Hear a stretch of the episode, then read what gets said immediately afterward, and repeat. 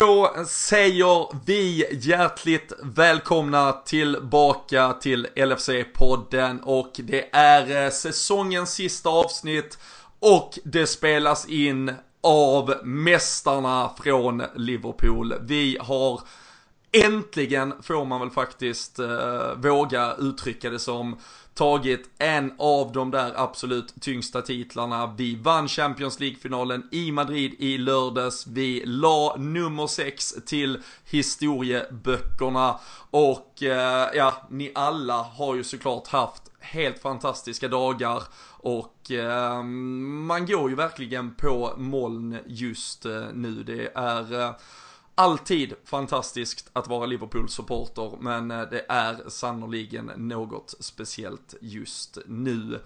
Vi eh, har såklart med anledning av detta eh, laddat upp för ett rejält jäkla avsnitt här. Ni kommer få allt från händelserna i Madrid och eh, analyser, tankar, tyckanden i alla dess former och eh, vi har samlat en otroligt stark trupp där eh, det är både undertecknad, det är Fredrik Eidefors, det är Daniel Forsell och Christian Andersson. Så vi är en hel kvartett som ska försöka ta er igenom detta förhoppningsvis blir det lite sådär extra härligt långt och eh, därmed lite extra mycket lyssning för er. Vi eh, tänker som så att detta också stänger igen säsongen 2018-2019 och eh, så tar vi, ja, ska vi säga, i alla fall ett par veckor eh, semester här från just poddandet. Men är ju så pass snabbfotade så skulle det brisera bomber på transfermarknaden eller annat så kommer vi såklart att dyka in och leverera material ändå.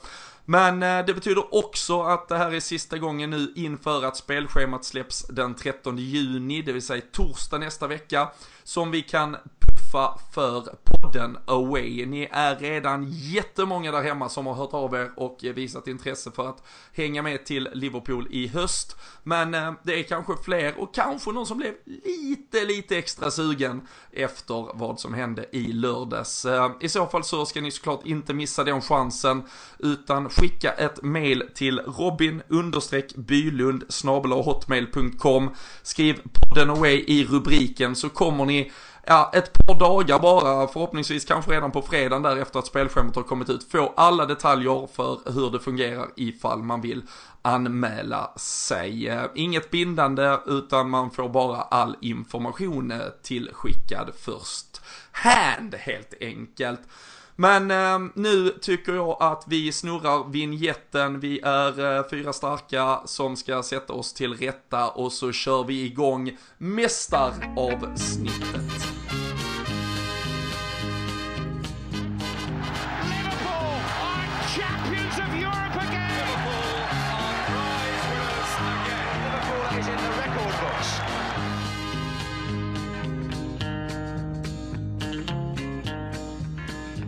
Jajamensan, eh, då eh, sitter man här med idel mästare och eh, jag får väl ändå börja med att gratulera lite extra till ordförande i Svenska Supporterklubben, Daniel Forsell. Du eh, gjorde det som jag misslyckades med under min eh, sejour, eh, där det var idel nederlag. Du kan lägga en Champions League-pokal till eh, CVt. Hur fan mår vi denna tisdagkväll?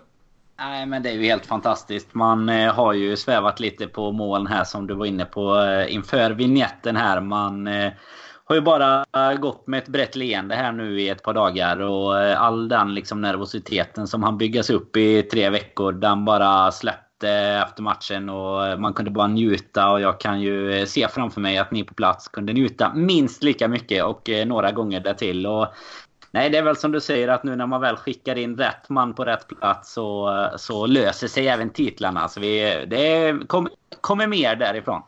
Ja, det är fantastiskt. Klopp eh, lovar ju, man har ju sett eh, bilderna från hans presskonferens när han tillträdde där i oktober 2015 att inom fyra år ska vi nog ha vunnit en titel i alla fall, annars får jag väl ta ett jobb i Schweiz. Kan det varit någon schweizisk klubb som satt och lite hoppades på Tottenham i lördags tror du? Ja, det är tror jag. Jag tror eh, man kan säga att hur många lag hade inte velat ha Klopp eh, som tränare och det är klart att den här Champions League-titeln förändrar inte hur bra han är som tränare. Det är väl bara visserligen att han förtjänar att vinna titlar men eh, Nej, det är, det är, nästan så att man tror att han med mening ville förlora förra året så att han skulle kunna ha det här sista året på sig. Det är, det är fantastiskt på något sätt att säga att han, han, han förtjänar det så jävla mycket, precis som, som laget gör. Men eh, man kunde inte önska sig en bättre tränare än vad vi har just nu. Nej. Första titeln i eh, poddens historia dessutom. Det har varit eh, sex eh, år eh, ganska exakt eh, här och nu. Men eh, det har varit värt de här minuterna kan man väl konstatera. Ja, herregud. Nej, det är, vi har gått igenom så jäkla mycket och vi har varit nära några gånger som sagt, men eh, det här slår väl som sagt allting och eh, det är väl passande när man, när, när, man har det bästa laget på många år att man faktiskt går och gör det också. Och det, det är ett fint sätt att avsluta säsongen på, helt klart. Mm. Christian, eh, vi, man har såklart, eh, vi, vi, eh, vi säger här, vi, vi är åldermännen i, i podden, du och jag, så man, man har ju ändå, alltså 2000, man, man vill ju tro att man är så ung så att eh, 2005 ligger liksom bortom alla möjliga horisonter. Eh, vi var ändå, vi var 17-18 eh, där. Men kan du hålla med mig i känslan av att det här, att man ändå alltså så här, känsloinvesteringen man har gjort de 14 år som har varit sedan den finalen liksom ändå får det här att kulminera i det absolut största man har upplevt som Liverpool-supporter. Absolut, jag håller håller med dig fullt ut. Eh, 2005 var jag 19 och såklart var man den gladaste människan på jorden när Liverpool gick och vände och vann mot Milan. Men allting som hänt därefter liksom i livet med eh, arbets och yrkesliv och liksom barn och att man har bott på olika ställen och även i England. Men allting man får gått igenom det känslomässigt så blev eh, lördagen och den vinsten någonting som, ja, det var helt otroligt. Det, det går knappt att beskriva egentligen. Det var så mycket känslor som svallade i en så att eh, ja, det fanns egentligen inga ord. Jag stod egentligen bara och bröt ihop när Origo gjorde sitt mål. Så att, som du säger Robin, känslomässigt så var det här någonting helt fantastiskt och det, det, det bästa jag någonsin upplevt som Liverpool-supporter. Så ja, jag är lite avundsjuk nu då, som sagt, du som var på plats i, i Madrid där. Men eh, nej, underbart och jag är så jävla glad för alla Liverpool-supportrar ute som får uppleva det här. För det, det är en fantastisk klubb med en fantastisk manager fantastiska spelare och vi gör det på sådana här sätt så att det betyder som sagt this means more såklart så att det, det är verkligen så. Mm. Kan du inte bara beskriva Robin hur fan det kändes på plats egentligen? Alltså, det, alltså jag tror inte folk, jag menar ifrån tv-soffan, jag menar som Krille säger, jag hoppade ju runt och skrek som en liten flicka i, i vardagsrummet men alltså hur, hur känns, hur, hur var känslan du och Jocke som var liksom när eh, By, hela liksom uppbyggnaden av allting liksom innan matchen och sen så få uppleva det som hände. Alltså det är ju fan inte många som får göra det. Man får, kommer ju troligtvis aldrig själv få göra det nästan. Men det, hur var känslan egentligen? Uh, alltså jag, fan, rysningar bara du ställer frågan och man börjar eh, sådär fundera lite på det. Det var jag hade ju eh, trots resultatet eh, turen att få vara, plats, vara på plats i Kiev förra året. Men Dels, eh, då var vi lite mer utspritt, jag hade fixat min biljett, eh, Jocke hade sin och så vidare. Nu hade vi, vi visste att vi liksom skulle gå in där tillsammans. Eh, vi hade väl egentligen inte platser direkt bredvid varandra men eh, det brukar eh, självlösas i de där borta sektionerna där alltså det var ju gångar och folk stod på både i raderna och på stolarna och på liksom ja, på, på bakstycken av stolarna. Jag vet inte om det är några kvar på stackars arena nu men Ja men det var alltså uppbyggnaden till det, att gå in, att sitta redan tidigt på morgonen i Madrid och veta att nu går vi in i en Champions League-final och är favoriter. Och eh, alla man träffade hade redan där och då bestämt. Vi, jag minns liksom tillbaka känslan i Madrid, där, där kom den så här två, tre timmar innan matchen. Det är lite som jag vet vi brukar prata om i podden, att man liksom kan se farhågorna och så alltid när man sätter sig där inför matchen. Ja men vad fan, vi kommer vinna och lite den, den kom i, i Kiev redan mot Real Madrid. Man tänkte, ja men fan, där kan ju fan ligga ett mirakel i luften. Vi, vi har ju sett det ske med Liverpool och sådär, men var man helt rationell och egentligen liksom, ja, återigen tog i beaktning hur odds fördelas och så vidare så så var ju såklart Real Madrid storfavoriter. Här börjar man förstå på riktigt när man var där att vi är ju faktiskt favoriter på riktigt till att vinna den här Champions League-titeln. Det var ju otroligt mycket såklart Liverpool-fans. Sen var det ju också, det var ju lite någonstans eh, var det ju synd att se det, men det var otroligt mycket Ajax-supportrar på plats i Madrid som hade bokat detta liksom redan mm. efter 1-0-segern eh, i London och, och förväntade sig att de skulle spela en mirakulös final. De var ju liksom, var, varje objektiv person man träffade var bara så här, så ni vinner detta, ni vinner detta, ni vinner detta. Det var ju svårt att egentligen hantera, men när man gick in där, jag stod på rad två, i stort sett längst fram i liksom den här Liverpool-kurvan. Man vänder sig om och tittar upp mot det havet av folk. Man vet att det är liksom, alltså det är en, ja men egentligen det är som att du bara hade dragit tillbaka och samlat ihop en tsunami som bara väntar på att liksom skölja ut över planen.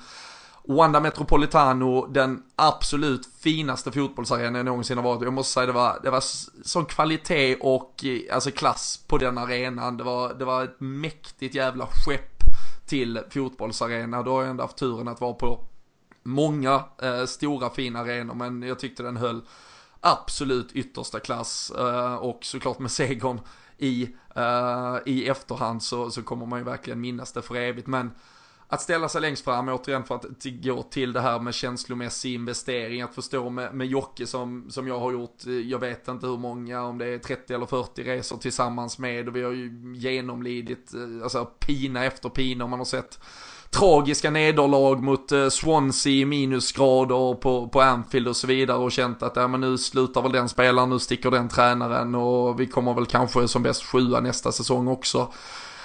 Att stå där veta att om 90 minuter kan vi vara Champions League-mästare. Få den starten, det var ju inte, man fick ju inte njuta för en sekund utan sen var det ju egentligen liksom bara en pina och plåga. Men som Christian nämner, framförallt, jag är så jävla glad att vi får Origis mål för det gav ändå den där utlösande lavinen och tsunamin som bara sköljde och där släppte allt.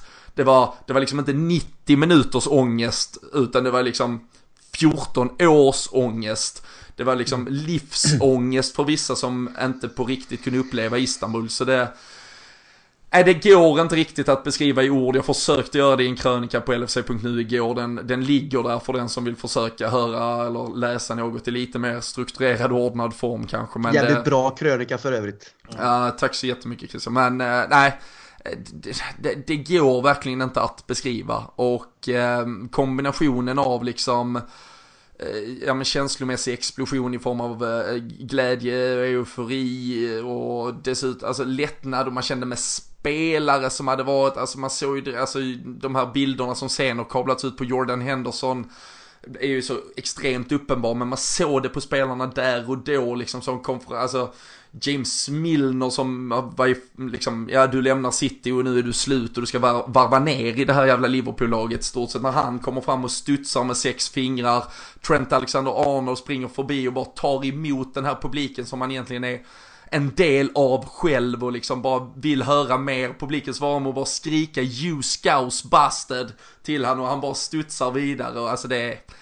Nej, det går ju inte liksom. Ni, ni hör. Det värsta av allt jag måste säga, du som, du som inte såg uppsnacket, men eh, jag vet att jag och Daniel eh, kommenterade på Twitter innan. Det, min känsla, jag kan nog säga att ni alla kan hålla med, att det, det var ändå som sagt positiv var man ju lite mer inför denna än var mot Real Madrid. Men det är som du säger, vi var ju liksom favoriter här. Men de hade ju haft något, eh, de hade frågat massa svenska fotbollsspelare innan matchen. Vilka tror du vinner i matchen? Det var, inte, det var nio spelare, vad fan det var. Och alla hade sagt att Liverpool vinner där enkelt liksom. Och så sitter man där och liksom biter fingrarna av sig själv men ändå så är man liksom positiv inför matchen ändå. Det är som konstig känsla. Jag vet inte vad, vad ni känner själva, men det...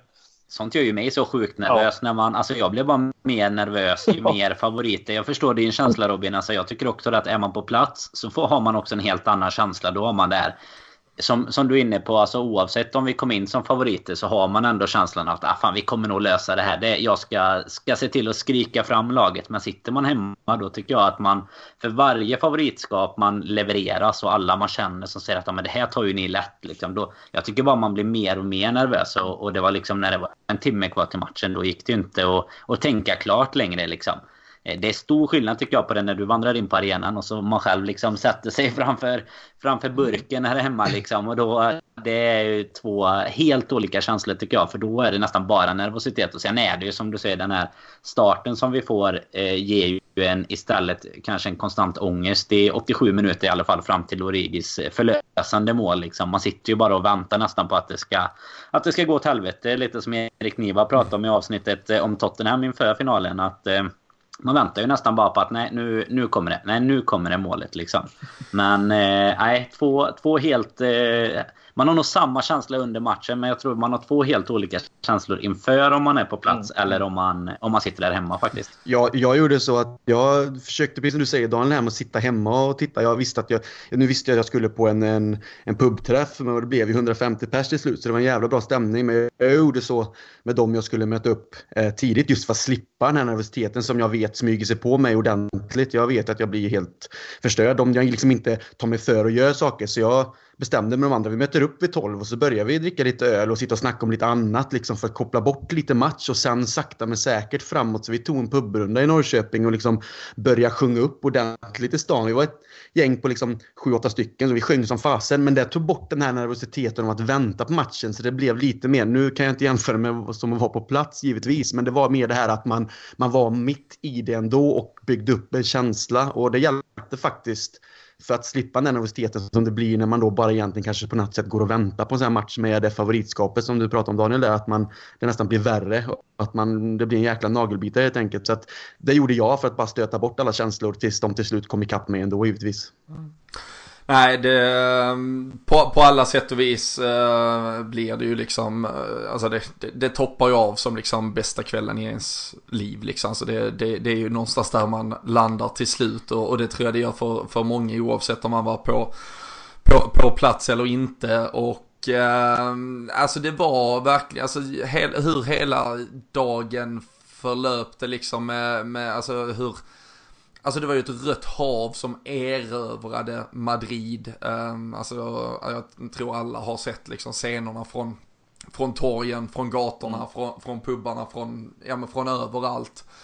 Och också en, eh, och det ska, det ska verkligen sägas, det har liksom inget, inget samband i övrigt, men alltså hur även relationen mellan Tottenham-fans och Liverpool-fans på plats, alltså det, det byggde verkligen upp, eh, såklart, i symbios med liksom 35 grader strålande sol och iskall sangria och, och, och, bra, och bra bärs, men det, det gav verkligen mer som, alltså det här, det var liksom, Ja men det var ju i stort sett liksom eh, the blueprint, alltså för hur en Champions League-final ska se ut. Alltså tror jag om man får, hade man fått skräddarsy den i, i sina drömmars värld liksom så, så är det väl någonstans här man hade landat och eh, då kändes det med, med alla de misslyckanden som ändå har legat igenom ens supporterliv och jag var inne på det lite i min text med liksom, ja, hur en Federico Makeda kommer in från ingenstans och gör så att United eh, vänder bort Aston Villa och tar sig förbi oss 2009. Steven Gerrard halkar 2014, Loris Karius i Kiev och så vidare. Så var det liksom, om, om, de ska ta, om de till och med tar denna dagen ifrån, om de fan tar den mest optimala jävla fotbollsupplevelsen ifrån mig här efter 90 minuters fotboll, då kan jag nog fan sluta med detta. Så det gav en känsla av att så, så jävlig kan fan inte världen vara. Och eh, det visade den sig att den faktiskt inte var heller, utan eh, det var nog det här vi faktiskt har gått och väntat på genom alla de där sju sorgerna och tolv bedrövelserna man eh, har upplevt som Liverpool-supporter. Och eh, man kände ju hur fans, spelare, ledare verkligen bara släppt ut allt där efter den slutsignalen och kanske redan efter Origis mål även om man behöll lite av som gammal vana lite nervositet kvar som Liverpool-supporter. Jag kan bara instämma med det där Robin i och med att eh, den nervositeten som man pratar om inför matchen och sånt med den byggs ju inte givetvis upp av att det bara Alltså en Champions League-final är ju stor nog men den byggdes ju inte bara upp av det utan det är ju alla de här eh, man ska väl inte säga konstanta misslyckanden när man ser en klubb som tar sin sjätte titel. Men under vår livstid i alla fall så har det ju varit, eh, alltså sen Istanbul egentligen, visst en, en FA-cuptitel och en ligacuptitel. Men det har ju varit ganska svältfött med framgång och framförallt har vi varit extremt nära så många gånger. Så det är ju precis som du är inne på att nervositeten låg ju i mångt och mycket i det här att nej men in, inte den här också, inte, inte igen utan det blir ju någon sorts lättnad för liksom alla de miljoner Liverpool-fans världen över. Givetvis för spelarna, givetvis för Klopp då som har har stått med det här finalspöket och, och jag menar det oavsett som, alltså hur bra tränare man är så någonstans kommer man ändå att titta på vilka titlar han tar. Framförallt utifrån. Vi Liverpool-fans hade ju inte bytt honom mot, mot någonting oavsett om vi hade vunnit eller inte. Men utifrån så blir det en helt annan bild nu när han faktiskt får lyfta Champions League-pokalen jämfört med om vi hade stått som, som tvåa återigen då. Så att eh, det är ju någonting att verkligen bygga vidare på för hela klubben, supportrar, spelare, allihop egentligen. Mm. Och eh, vi, eh, vi ska såklart eh, grotta ner oss jättemycket mer eh, i eh, den här eh, finalen och eh, vill återkomma i eh, alla känslosvall som, som var under den där lördagskvällen, vad, vad detta kan betyda framöver, om paraden, alltså festen som bara fortsatte och aldrig ville ta slut i Liverpool och ja, väldigt mycket mer som vi lär kunna landa i när vi, när vi verkligen greppar tag i den igen här. Men eh, det är eh, som sagt eh, tisdag kväll när vi sitter och spelar in detta och eh, vi har eh, alldeles nyss eh, i stort sett här nåtts av ehm, nyheterna att Alberto Moreno och Daniel Sturridge lämnar klubben som bossman här under sommaren. Och eh, även om eh, det här är ett avsnitt som ska få eh, fullt fokuseras eh, på eh, Champions League-finalen till eh, 99% så, så får vi väl ändå stanna vid eh, detta lite snabbt Fredrik. Två spelare som ja, i sina bästa stunder, även om det har eh, kanske inte duggat tätt med dem och framförallt inte på senare år, eh, är eh, två väldigt, väldigt fina fotbollsspelare. Eh, skadebekymmer för en Daniel Sturridge framförallt gör ju att man någonstans känner att det fanns så mycket mer som hade kunnat komma än Alberto Moreno som när han kom till Liverpool kanske var en av de, ja men ansågs vara en av de mest talangfulla vänsterbackarna ute i Europa. Jag minns när vi pratade om honom här i podden efter i stort sett hans, ja men en av hans debutmatcher, debutmål i alla fall, en solo-raid på riktig John-Arne Riese mot eh, Tottenham, då sa vi det där var nog ett bättre köp än Luke Shaw och det är i och för sig ingen jävla, jävla skarp duell mellan de två, vem som har varit sämst sedan dess kanske. Men eh, vad, vad, vad liksom, när vi nu kan landa i allt som har varit eh, så eh, vad, vad minns vi och hur kommer vi minnas dem och vad ska vi ändå skicka med dem för framtiden?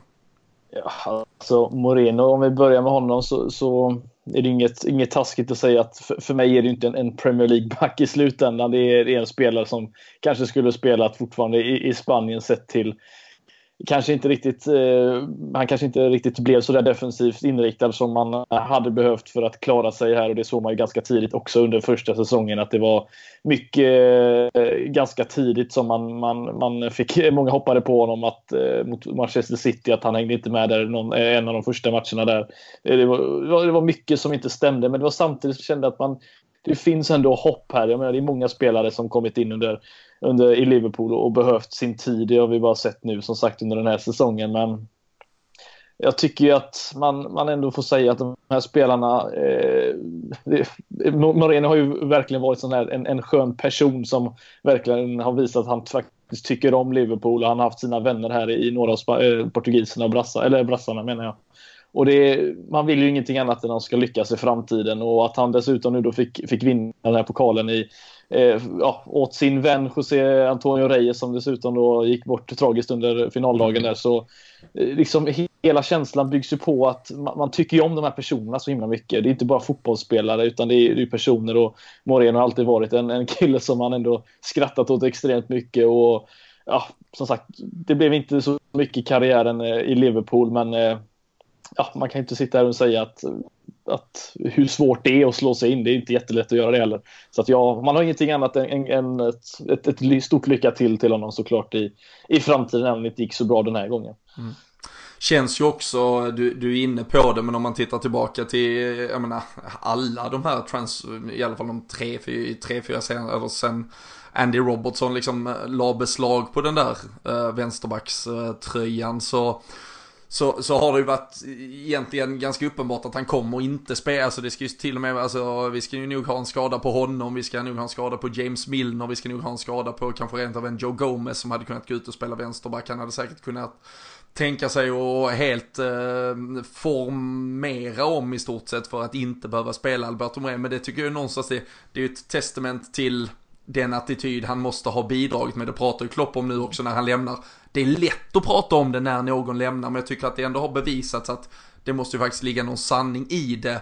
Jag tror att en Nathaniel Klein, utan att jag ska påstå att jag känner till hans aura till punkt och pricka, men jag kan tänka mig att han inte var en lika viktig del för en grupp till exempel och att då är det väldigt Nej. mycket lättare att placera bort någon och när vi liksom ser hur laget firar den här Champions League-triumfen så finns det ju ingen som, alltså Dejan Lovren, fast att han plötsligt inte spelade någon viktig del, han var med förra året när vi förlorade, han Hans, hans, han såg e- exakt lika mycket som sin Champions League-medalj som Virgil van Dijks eller som Mohamed Salas och det, det är ju något unikt där och det, det Daniel gör ju också att det är klart att det vill liksom nu färgas av den här triumfen men det blir ju så otroligt värdigt även för spelare som personligen inte hade den karriären man hoppades på i Liverpool tror jag.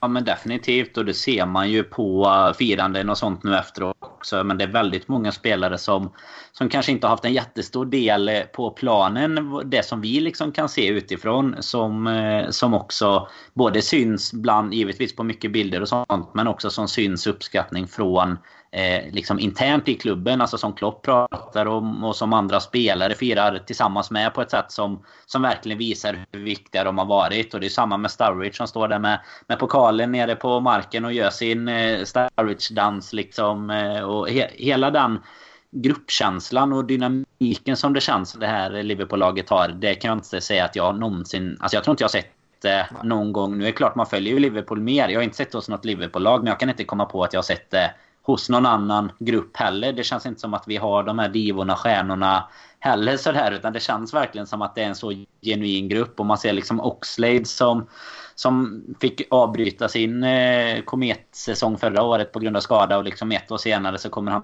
tillbaka, får göra något inhopp och sen eh, är han helt galen med den Champions League-pokalen som han skulle ha lyft förra året istället. Men nu fick han chansen att lyfta den nu och man ser liksom hur mycket det betyder även för de spelarna. Så att nej, extremt eh, kul att både Sturridge och Moreno också får runda av sina karriärer med, med att vinna liksom det, det största som går att vinna egentligen. Mm. Krille, om vi, om vi pratar lite specifikt eh, Daniel Sturridge. Eh, en lite mer liksom svår eh, fångad och liksom uppsummerad Liverpool-karriär för där det, det, det, blir ju lätt att minnas honom för all eh, skadeproblematik som eh, nu har varit och där har det ju ibland varit lite ifrågasättande kring attityd och så vidare. Alltså, nu tycker jag man ser tydligt denna säsongen att det som sker i en bra grupp, där, han, där fungerar han faktiskt hur bra som helst. Men eh, vi måste ju också minnas hur jävla bra han faktiskt var under sina tidiga år och framförallt såklart med peak säsongen 13-14 med eh, Luis Suarez och där vi också bara är eh, liksom, ja, eh, vi vet vad ifrån en, eh, en ligatitel. Hur, hur ska man liksom hantera att någonstans kan ju faktiskt komma sig ihåg som en av de bästa moderna anfallarna vi haft i den här klubben. Men sen har han då plötsligt tre helt briljanta nutida anfallare emot för att inte riktigt synas på den nivån längre. Ja, absolut. Och sen har han ju tappat lite tyvärr på grund av sina skadeproblem också. Så det, han har ju inte samma eh, steg längre, snabbheten och kanske den här finessen att kunna vrida och vända snabbt som han gjorde när han liksom vände bort försvarare. Särskilt då 13-14 säsongen. Han gjorde ju Eh, 24 mål och sånt där och gjorde ju många riktigt, riktigt snygga mål. Så man kände ju att det är ju en, liksom, man vet ju att det här är en...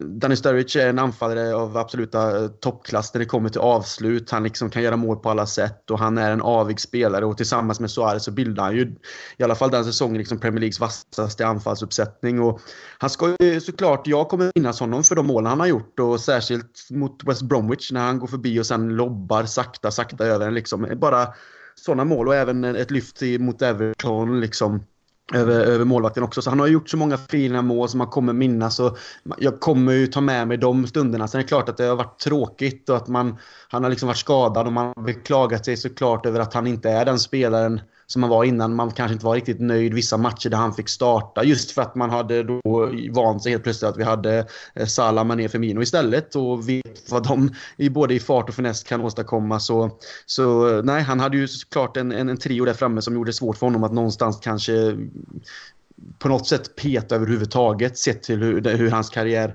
tog väg. Men nej, minna alla goda, minna, minnas alla goda stunder med Sturridge och de målen han har gjort och sen att han då som, som ni är inne på här får avrunda sin karriär i Liverpool med den finaste av titlar. Så all heder honom och även Alberto Moreno så får man bara som sagt eh, önska dem lycka till i sina framtida eh, klubbar var de nu tar vägen. Mm.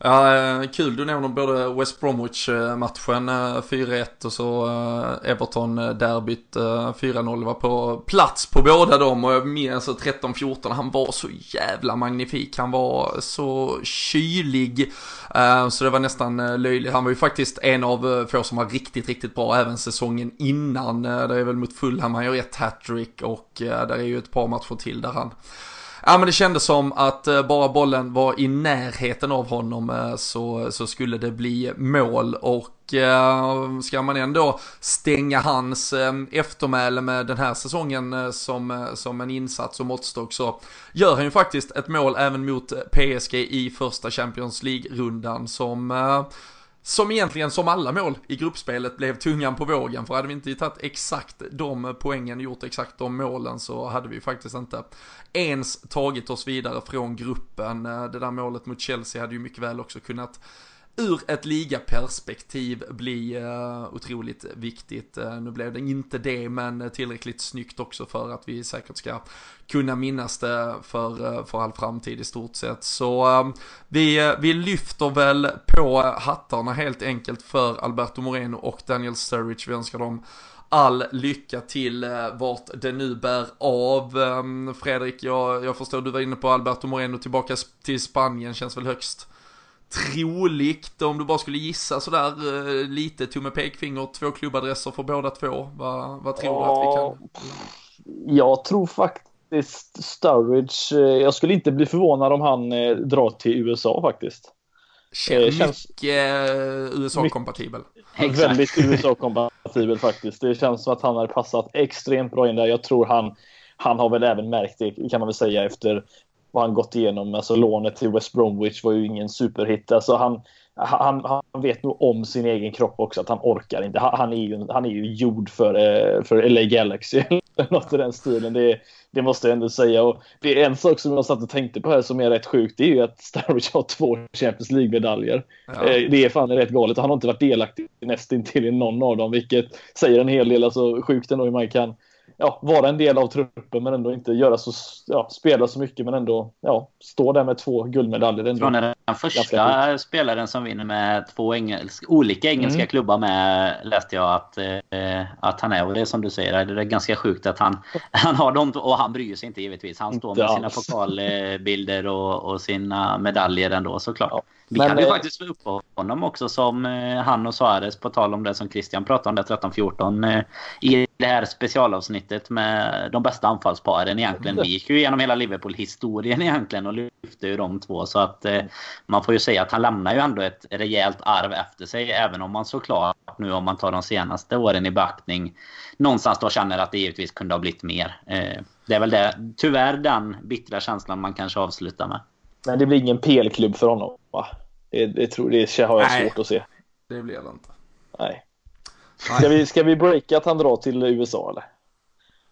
Ja det gör han. Jag minns att även Kristoffer eh, Petersson i ett äh, gammalt avsnitt här när vi hade med honom sa äh, när han fick hänga med på USA-touren, äh, det var väl sommaren 2014 för att återkoppla till den fantastiska säsongen, även om detta då var brytpunkten för vad som blev en liten dipp därefter. Då vet jag han sa det var mycket shopping i flådiga butiker. Kristoffer gick väl med ett lite annat bankkonto bakom och plocka plastpåsar eller något någonting. Men uh, så nej, uh, Sturridge till USA, Alberto Moreno. Fan, Alberto Moreno till Lazio, vad sägs om det? Bara förbrödras Ja. med alla de här jävla avdankade Liverpool-spelarna. Jag kan säga det, min granne håller på Lazio. Jag tror fan jag ska gå ut och säga till honom ni kan eh, grattis till en, eh, till en eh, hoverboard-åkande eh, Alltså, hund, hundskötare. Det, Han och Lukas är ju kompisar med så det passar ju Ja. perfekt. Ja, och Luis Alberto, han måste ju också vara polare. Nej, det... Vi, eh, vi Italien eller. Spanien? Ja. Ja, vi, eh, Alberto Moreno till Lazio och eh, Daniel Sturridge till eh, LA Galaxy helt enkelt. Det blir Zlatan och han. Fan vad ko- eh, skoj. Det, det blir, blir bra eh, dansande helt enkelt. Eh, Men eh, nej, som sagt, eh, stort tack för deras insatser eh, i Liverpool-tröjan. Eh, Vi eh, återgår eh, till eh, den där eh, fantastiska lördagen, men eh, också för att någonstans eh, bygga upp allting som eh, till slut blev, så, så var det ju ganska speciellt med tanke på att det var tre veckors uppehåll från sista Premier League-matchen till att den här Champions League-finalen skulle spelas.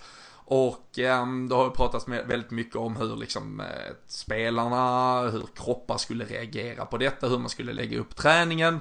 Och eh, det finns ju också detaljer i Liverpools eh, direkta, om man säger egentligen matchupplägg sen med att de kom in sent fredag kväll eh, som till en klassisk bortamatch egentligen bara sov, upp och träna eller in, träna, sova och så liksom som vilken match som helst och så vidare. Men jag tänker att vi lite eh, kronologiskt här spolar tillbaka till att spelarna därefter att ha fått en veckas ledigt från Wolverhampton-matchen kommer tillbaka, startar lägret i Marbella och eh, där var det ju Fredrik, det var liksom snabba vassa tungor, de där lite eh, nojiga och jinxiga personerna som kände "Huh, Marbella, har vi inte varit där två gånger den här säsongen? Och eh, sen eh, spelat ganska knackigt i eh, Premier League därefter. Men det där lägret eh, har ju många pratat om efteråt som liksom kanske det, det bästa de någonsin har haft, hur de bara fick ihop gruppen och allting. Och sen väldigt intressanta aspekter idag som eh, kom ut, eh, det har väl sipprat ut tidigare, att de spelade en träningsmatch där bakom då lyckta dörrar på lördagen, drygt då en vecka innan finalen mot Benficas B-lag, men framförallt hur taktiskt disponerat det här var där de i stort sett skolade Benficas B-lag till att bli Tottenham. Det, jag har aldrig hört talas om något liknande faktiskt på den här nivån där du rent av liksom alltså, köper in dig en kopia på ett annat lag. Ja, nej, men det, det får vi ändå säga att det, det, jag har inte heller hört det. Det är ganska sjukt egentligen måste jag säga. Och det, det som jag fastnade för väldigt mycket det var väl att om jag har förstått det rätt här, nu får jag gärna rätta mig fel, att, att de hade, de i det här Liverpool i det här fallet hade, hade bett dem eh, liksom påminna, eller att de skulle spela och försvara på två, eller på några sätt som påminner då som sagt väldigt mycket om just om Tottenham som de skulle förbereda sig för. Och med, med facit i hand om man kollar hur matchen såg ut så såg det faktiskt ut som att de var förberedda på rätt mycket eh, i slutändan. Så det här måste ju verkligen ha, ha gett resultat. Eh, jag, jag skulle inte tro någonting annat än att det här eh, gjorde någonting för laget och att de, det är klart de vet ju Tottenham-spelare, vi mött dem under säsongen med, men jag menar sitta där och göra en videoanalys snarare än att få spela det innan du faktiskt ska spela den riktiga matchen. Det, det måste ju hjälpa till någonting måste jag säga och, och, och en sak som jag fastnade för lite här när vi satt, eh, det här har lite med saken att göra, men just när vi satt och kollade på paraden här som var nu, då hade ju tydligen James Miller pratat om, eh, jag vet inte om det var med vem han hade pratat med, någon tidigare Liverpool-spelare om att det var väldigt bra att de inte kom till Madrid så tidigt som, de, som Tottenham gjorde. För de kom ju där ännu tidigare än vad Liverpool gjorde. Och det skulle tydligen vara något som de inte kanske uppskattade från året innan att de kom tidigt till Kiev då. Men det, Nej, men de- ja, det, det verkar finnas en plan bakom det. Det, det, är helt klart.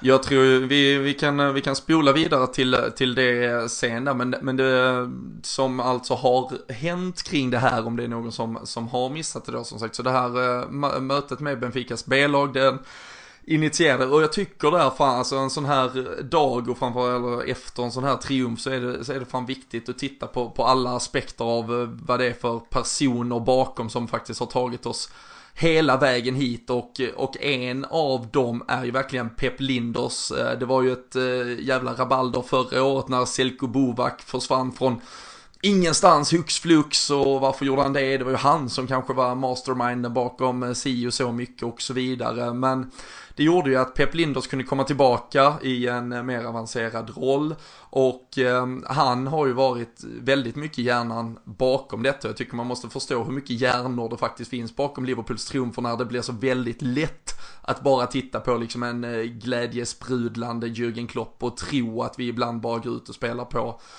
energi och attityd för eh, det är ju så mycket mer än så. Och han var ju själv då tidigare reservlagstränare, eller ja, både reservlagstränare och sen assistenttränare i Porto, eh, bland annat med Andres Villas Boas och eh, det var genom sina kontakter med Porto han försökte då hitta ett lag eh, de trodde skulle kunna passa som att vara då ja, lilla Tottenham helt enkelt. Man ville inte ta kontakt med spanska klubbar för Pochettino har ett starkt kontaktnät i Spanien. Man vill inte prata med franska klubbar för Hugo Lloris är väldigt uppskattad runt omkring kring de franska klubbarna. Och England, of course, finns eh, väldigt dumt. Det hade väl media också kunnat liksom spekulera kring ganska snabbt. Utan då hittar man detta här och liksom instruerade Benfica i tidigt, ni har en vecka på er att träna upp er till att bli ett Tottenham light liksom.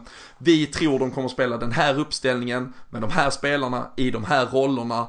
Lär era spelare att spela det spelet. Och eh, till slut här, man kunde ju läsa även idag nu på kvällen här på eh, Liverpools officiella hemsida där de pratar, där de, de låter Pep Linders beskriva det lite att exakt den situationen som leder fram till straffen efter lite drygt 25 sekunder där det är ett par liksom eh, bolldueller på mittplan och sen när vi direkt vi kommer ur pressen spelar den långa bollen bakom ytterbacken. Exakt samma situation händer faktiskt på träningsplanen efter 90 sekunder den gången och då går Sadio Mané in i banan och gör mål. Denna gången går han in i banan, vinner en straff. Det blir såklart en fantastisk bra story så här i efterhand. Men eh, det visar ju någonstans Daniel det här med att Alltså Liverpool, de lärde sig verkligen någonstans någonting förra, alltså de tog det next level detta året. Och det visar att alltså, vår hjärna var faktiskt kanske lite längre fram än Tottenhams.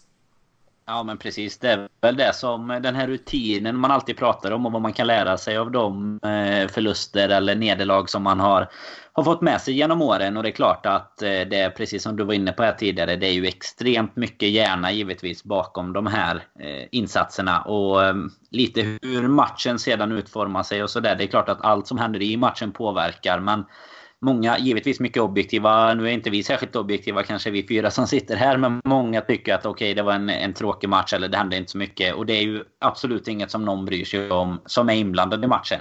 Det är ju liksom taktiskt spel mellan två av världens bästa tränare och då gäller det att verkligen ha gjort sina förberedelser. Vilket man nu i efterhand då kan få reda på att Liverpool verkligen har gjort. Och då kan man ju inse att det kanske finns någonting mer än bara tur att det blir en straff till exempel. Eller, eller sådana bitar. Att det är inte bara tillfälligheter som avgör en Champions League-final. Vilket man givetvis borde veta från början. Men här får man det svart på vitt. att det är liksom minutiösa förberedelser som, som en klubb gör inför en sån här match. Och, och denna gången så känns det som att det gav extremt bra resultat också. Mm lite längre fram eh, i den eh, kronologin så, så var du inne på det här med att de la om eh, planeringen kring sitt, alltså sin ankomst till Madrid, eh, det, det, är ju något väldigt unikt med en eh, Champions League-final. Skulle du åka kanske två dagar innan en match till en vanlig bortamatch kan du antagligen ändå hitta lugnet i att ta en, eh, du bor kanske ofta ändå lite utanför den absoluta stadskärnan, du kan hitta ett område till att ta en lugn morgonpromenad. Det finns inga fans i en stad, det är liksom redan en eller två dagar, absolut inte två dagar innan utan de kommer ofta på matchdagen och så vidare. Men, eh, men här är det ju liksom, du kommer till en stad som du egentligen inte känner så väl, där du kanske de, av logistiska skäl måste bo, i alla fall antingen väldigt nära en arena eller måste bo ganska centralt för att få de absolut bästa hotellen. Och du har en miljö där det kanske är 50 000 supportrar till vardera lag, alltså liksom 100 000 fotbollssupportrar på plats redan två dagar innan. Att, att sitta inlåst på ett hotell då, från torsdagen som eh, det blev i Liverpools fall i Kiev, som det blev i Tottenhams fall detta, denna gången. Där, där tror jag verkligen också att Liverpool lärde någonting och att det blev någonting som fick dem att ja, men släppa matchen lite längre, alltså så länge det inte verkligen behövdes tänkas på att det skulle spelas en svinviktig fotbollsmatch så tänkte de faktiskt inte på det utan man kunde leva ett ganska vanligt liv där hemma och sen så kunde man komma till träningsanläggningen, ta sig till matchen, flyga in en presskonferens på kvällen, käka lite, sova och sen var det matchdag.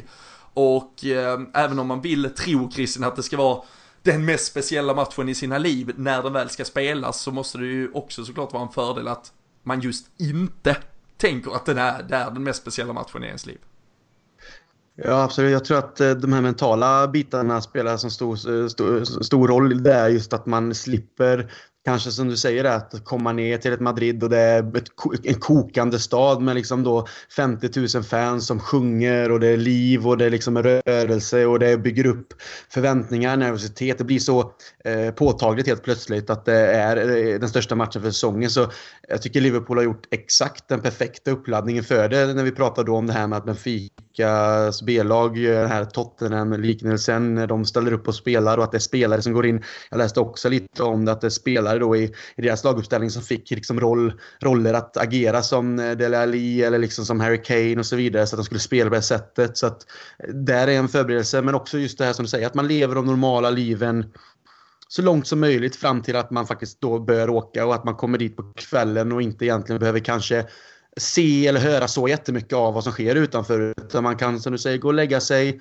komma upp och sen förbereda sig att det är matchdag och man egentligen bara kommer rakt in i det. Och kanske inte hinner som sagt sätta så mycket känslor på det. Givetvis finns de där, men som professionella fotbollsspelare har varit i de här sammanhangen innan och som Daniel också påpekar tror jag att erfarenheten från förra året, liksom att kanske då lägga om det eller liksom hitta den här rutinen. Att hur kan vi på, på, något sätt ändra så att vi, vi mentalt sett kommer in i den här matchen på ett annorlunda sätt. Och det känns verkligen så som också matchen eh, utvecklar sig. Nu fick vi den här tidiga straffen såklart, det hjälper, men det känns som att Liverpool hade en helt annan alltså, stabilitet och styrka. Även om Tottenham fick lite chanser så kändes det liksom aldrig riktigt farligt. Jag tror att det har med hela uppladdningen och eh, organiseringen inför den här matchen att göra. Så att det ska Liverpools eh, tränarstab ha en eh, stor eloge till liksom, hur de har tänkt hela vägen inför den här finalen under den här tiden som har varit då sedan man spelade en match senast. Mm.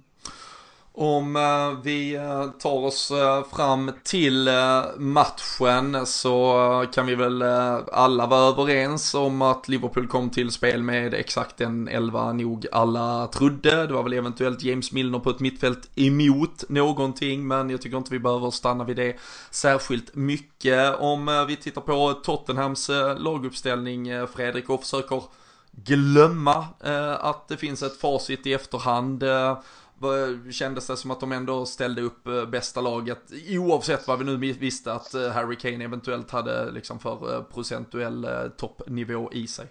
Alltså jag, jag, jag tyckte de gjorde bort sig här. Eh, faktiskt. Jag och Daniel pratade om det inför matchen och jag vet att Erik Niva pratar om en sak inför sin match och jag tror att det finns någon liten sanning i att det finns ingen som kan sitt lag så bra som, alltså, som supporter, alltså sina egna svagheter snarare än styrkorna. Alltså, vi, vi satt där och pratade om att det värsta för oss, tror jag, och som jag tror Daniel kan hålla med om, det var om Lukas Mor hade spelat om man haft den här fartfyllda anfallsfotbollen snarare än den här tydliga targetpunkten som de har i Harry Kane. Och det var, det var min känsla inför matchen, att spela gärna Harry Kane för att det är en större spelare att hålla koll på. Van Dijk kommer hålla koll på honom, Matip kommer hålla koll på honom. Jag mer rädd om de hade spelat Lukas Mora och haft honom där framme tillsammans med eh, Son och, eh, och Delala exempelvis. Så att för mig så, så med, återigen med facit han även här nu, jag sa det innan. Jag är bara glad att Harry Kane spelar för att det, det, det, det, var ju samma med Firmino, vi såg ju på honom, de, de var, ingen av de två var ju liksom tillräcklig pace för att kunna spela den här finalen eh, kändes det som. Och ja, det, jag var bara glad att han startade för det, det hjälpte oss mer än vad det hjälpte dem i slutändan. Mm. Om, eh, och tittar man faktiskt på det, jag, jag, satt, eh, jag pratade i en annan podd om det, för då, då fastnade vi lite mer på hela situationen kring Harry Kane och jag gjorde ju avsnittet tillsammans med Erik och man går ju aldrig in och tar ett bråk med Erik Niva när han säger att If Kane walks, Kane plays, som bara han kan liksom uttrycka det så, eh, så förstod man ju liksom att ja, det, så kommer det ju bli. Men, men jag kan ju verkligen hålla med och jag kan ju inte erinra mig en enda match faktiskt mot Liverpool där Harry Kane har varit den spelaren som faktiskt har varit framstående. Jag vet snarare, det brukar ju alltid också för att alltid trycka lite salt i sår och så vidare, komma statistik snarare på att han kanske bara har nuddat bollen i straffområdet en gång eller haft eh, fyra passningar och alla var bakåt. Eh, alltså det, han brukar aldrig få ut sin rätt för eh, liksom den här spelaren som är just det här att han är average på allt. Sen gör ju det honom till en väldigt bra fotbollsspelare, det ska man inte ta ifrån honom, men det gör ju att det inte finns den här spetsegenskapen, en enorm speed eller en briljant teknik att ta höjd för. Det gör ju att han blir ju inte jättelivsfarlig för någon del av vår fyrbackslinje egentligen. Alltså ytterbackarna behöver inte vara livrädda att han sticker, alltså sticker djupt bakom dem, för den ytan orkar han aldrig hitta. Alltså han går inte jätte, liksom långt och hämtar boll och så vidare. Så det, väldigt lättmarkerad blir han ju framförallt för en spelare som Virgil van Dijk som älskar att bara stå rätt och hålla koll på sin motståndare i duellspelet.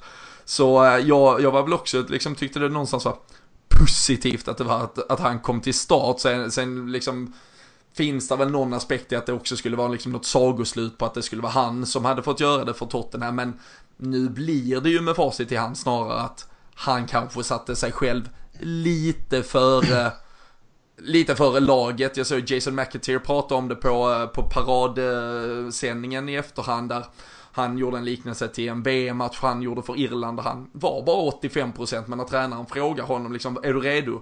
Ja men det är klart jag är. Alltså, och det är klart, alltså, fan det är en VM-match, det är kanske min enda VM-match jag någonsin kommer att spela. Det är klart han säger att han är redo. Och Harry Kane har såklart sagt att han var redo. Men det var han kanske faktiskt inte. Så um, nej, uh, det, um, det, är väl svårt att liksom uh, veta exakt uh, om det var 100% eller 90% eller om det bara var en Harry Kane som inte kom upp till en nivå rent prestationsmässigt. Men det, det gynnar Liverpool i alla fall Christian, att det blev som det blev. Absolut, och jag vill jättegärna återkoppla lite till det som Erik pratade om i det, i det avsnittet inför finalen, just det här med hur Pochettino liksom är en, den här emotionella personen som kanske borde ha kanske gått på en Lucas Mora då som Fredrik säger för att han ändå kommer med någon slags självförtroende och form från matchen mot Ajax för det var han som ändå gjorde det för dem och att han då kunde få gå in i en final och känna liksom, förtroendet från managern att jag vill att du ska spela för liksom, titta vad jag gjorde senast, jag vill att du ska vara the man liksom. Sen är det ju en fråga om som sagt Terry Kane är så pass liksom har den höga nivån i sig liksom efter att ha varit borta så länge att faktiskt kunna prestera i en sån match. För man kunde ändå se att även om han är en avslutare av rang och kan göra mål på egentligen vilket läge som dyker upp som helst så såg man ju, precis som med Firmino som också Fredrik säger, att det var inte samma fart, samma liksom löpstyrka, rörelsemönster som han egentligen kan visa upp. För det sa ju Erik också, att han kan ju ändå gå i djupled, han kan möta boll, men det var inte alls på det sättet som vi har sett honom tidigare när han faktiskt har spelat i Premier League match efter match efter match och inte varit skadad. Så det var ju också en, en sak jag tänkte på, att jag var också nöjd över att faktiskt eh, Kane eh, började, eller Mora började på bänken och att eh, det är också en grej när man tänker de här managers då, är man hur, hur stark man är som tränare i det läget att man ändå väljer den spelaren som det känns som att alla supportrar kanske runt omkring vill ska starta för han är deras egna liksom one of their own och allt det här. Ja, men alltså, det eh, han blir, ska göra det. Ja men det blir ju som att vi skulle liksom ha vilat Steven Gerrard i en final för att han var,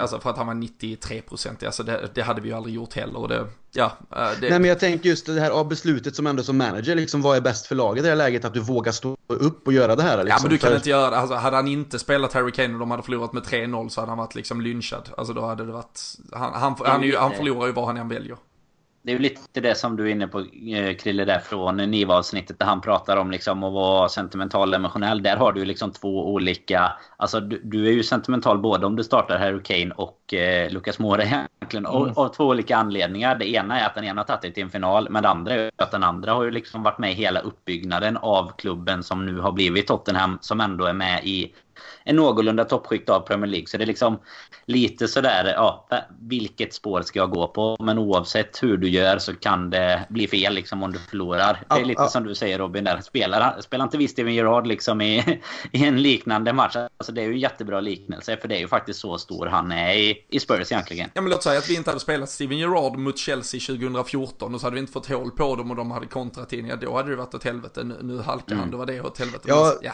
det... ja det, är, det är ingen lätt uppgift så men som sagt, ser, ser man, jag tänker i alla fall så ser man som vad Mora gjorde för dem mot Ajax och den, alltså, den spelare han är eh, och med finessen och farten så, och för att återkoppla till det vi började diskutera om, så just att, att han inte startar kändes ju, som ni alla verkar vara inne på, kändes ju bara bra för våran del. Så att... ja, absolut, det var ju en större, bättre formspelare liksom. Eh, så, så mycket kan man ju säga bra för oss men eh, jag var absolut inte överraskad och jag förstod det någonstans ändå till till punkt och pricka. Vi har varit inne på det också, eh, Roberto Firmino, lite liknande situation. Nu, nu blir det ju någonstans en, en lyx och därmed också får vi väl då reservera oss för det här med facit i hand eh, diskussioner man kan ha att vi, vi kan ju då ändå plocka av honom efter vad är det, 58 minuter. Då har vi ju 1-0. Eh, Divock Origi har ju varit så betydelsefull faktiskt de senaste veckorna att, att där ändå finns också ett mandat att ge honom liksom till fansen någonstans. Så hade det varit en Divock Origi eh, hösten 2018 eh, som hoppade in, då hade vi nog också jävlar i det mm. tröttat ut Bobby Firmino eh, till, till 97 om det hade behövts. Men, men där Dan blir det ju någonstans lite ja, återigen kanske lyxen av det, för han gör ju inte heller någon alltså, briljant insats som går till historien. Nej, Nej han, hans insats går till historien tack vare vänstersläggan i 87, men det är ju ingen... Eh, I övrigt är det ju ingen insats som, som man kommer liksom att hurra för. Och det som du säger är att ända fram till inför eh, Everton-matchen egentligen i, i vintras så hade man ju Eh, ja, då hade vi kastat in Origi i en Champions League-final så hade det varit liksom eh, tre gånger värre än Lalana i eh, Kiev ungefär. Men med den säsongen han har haft så blir ju det istället något sorts eh, sagoslut liksom. Tre skott eller vad han har haft i, i hela Champions League och gjort tre mål. Och det är ju rätt unika skott också som det har blivit. Detta var ju ändå ett riktigt skott om man säger så. Om man jämför med dem i Barcelona-matchen. De Alltså de avsluten som lägena uppstår ifrån. Det är ju också någon så här helt... Alltså han, de målen han har gjort den här säsongen, om man även då räknar med Premier League, det är ju... Det är något helt otroligt. Det är liksom en...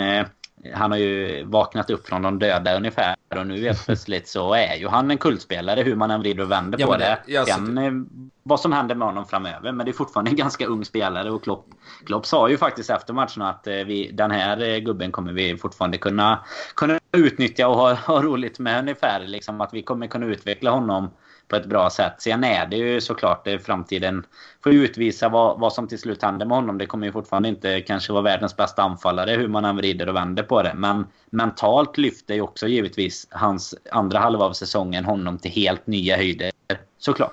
Ja, och det, alltså just att bara ha den vetskapen att, alltså går vi in till nästa säsong med honom som avbytare, alltså det kommer, alltså bara, bara tänk dig att Anfield och säga att det är något, vi behöver ett mål i en Champions League gruppmatch i andra eller tredje omgången, han har inte spelat mot, och så kommer han in och ska göra 30 minuter, alltså det, då är det ju liksom fan, det, det blir ju vibration av, av mål direkt, mm. så det är klart att det här förändrar liksom eh, kortleken helt och hållet och Eh, ja men det blir ju ett eh, sagoslut vi ska komma till det och eh, var han eh, kanske numera placerar sig i historieböckerna. Men för att hålla oss någonstans på den här tidslinjen vi, vi har arbetat så otroligt duktigt och strukturerat med trots detta mästaravsnitt som också är fyllt med känslor. Så så blir det ju då en match som eh, ställs på sin spets redan efter lite drygt 25 eh, sekunder Fredrik eh, i straffsituationen som uppstår och jag tänker vi lämnar det här därhen om det är straff eller inte och så vidare. Det är straff. Utan vi konstaterar att det,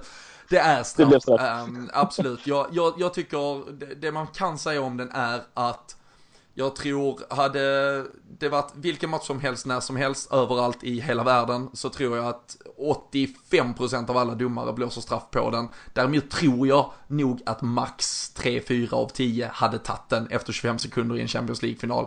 Men eh, Damir Skomina ser såklart sin chans att eh, ta rätt beslut och också liksom verkligen visa upp vilken eh, jävla ryggrad han har och hur mycket eh, pungkulor han eh, också har helt enkelt. Så det får vi ge honom. Och sen så får vi väl bara falla på epitetet Fredrik att en straff som går i mål är en bra straff. I övrigt inte så jättebra kanske.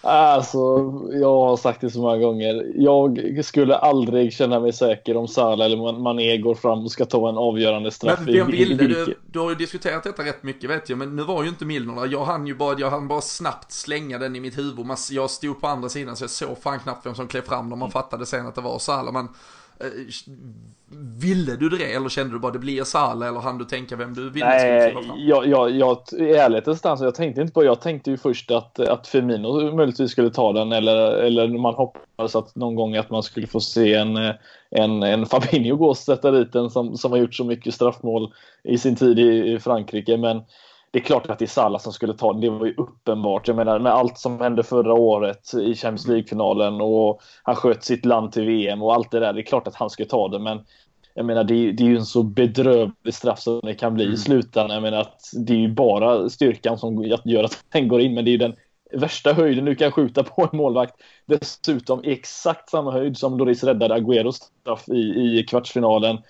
Så att, men som sagt, den gick in. Det är ju det enda som, som är viktigt i det här slut, eh, i, i slutändan. Men jag var inte jättesäker på att den skulle gå in Robin, om, om det gäller svara på din fråga åtminstone.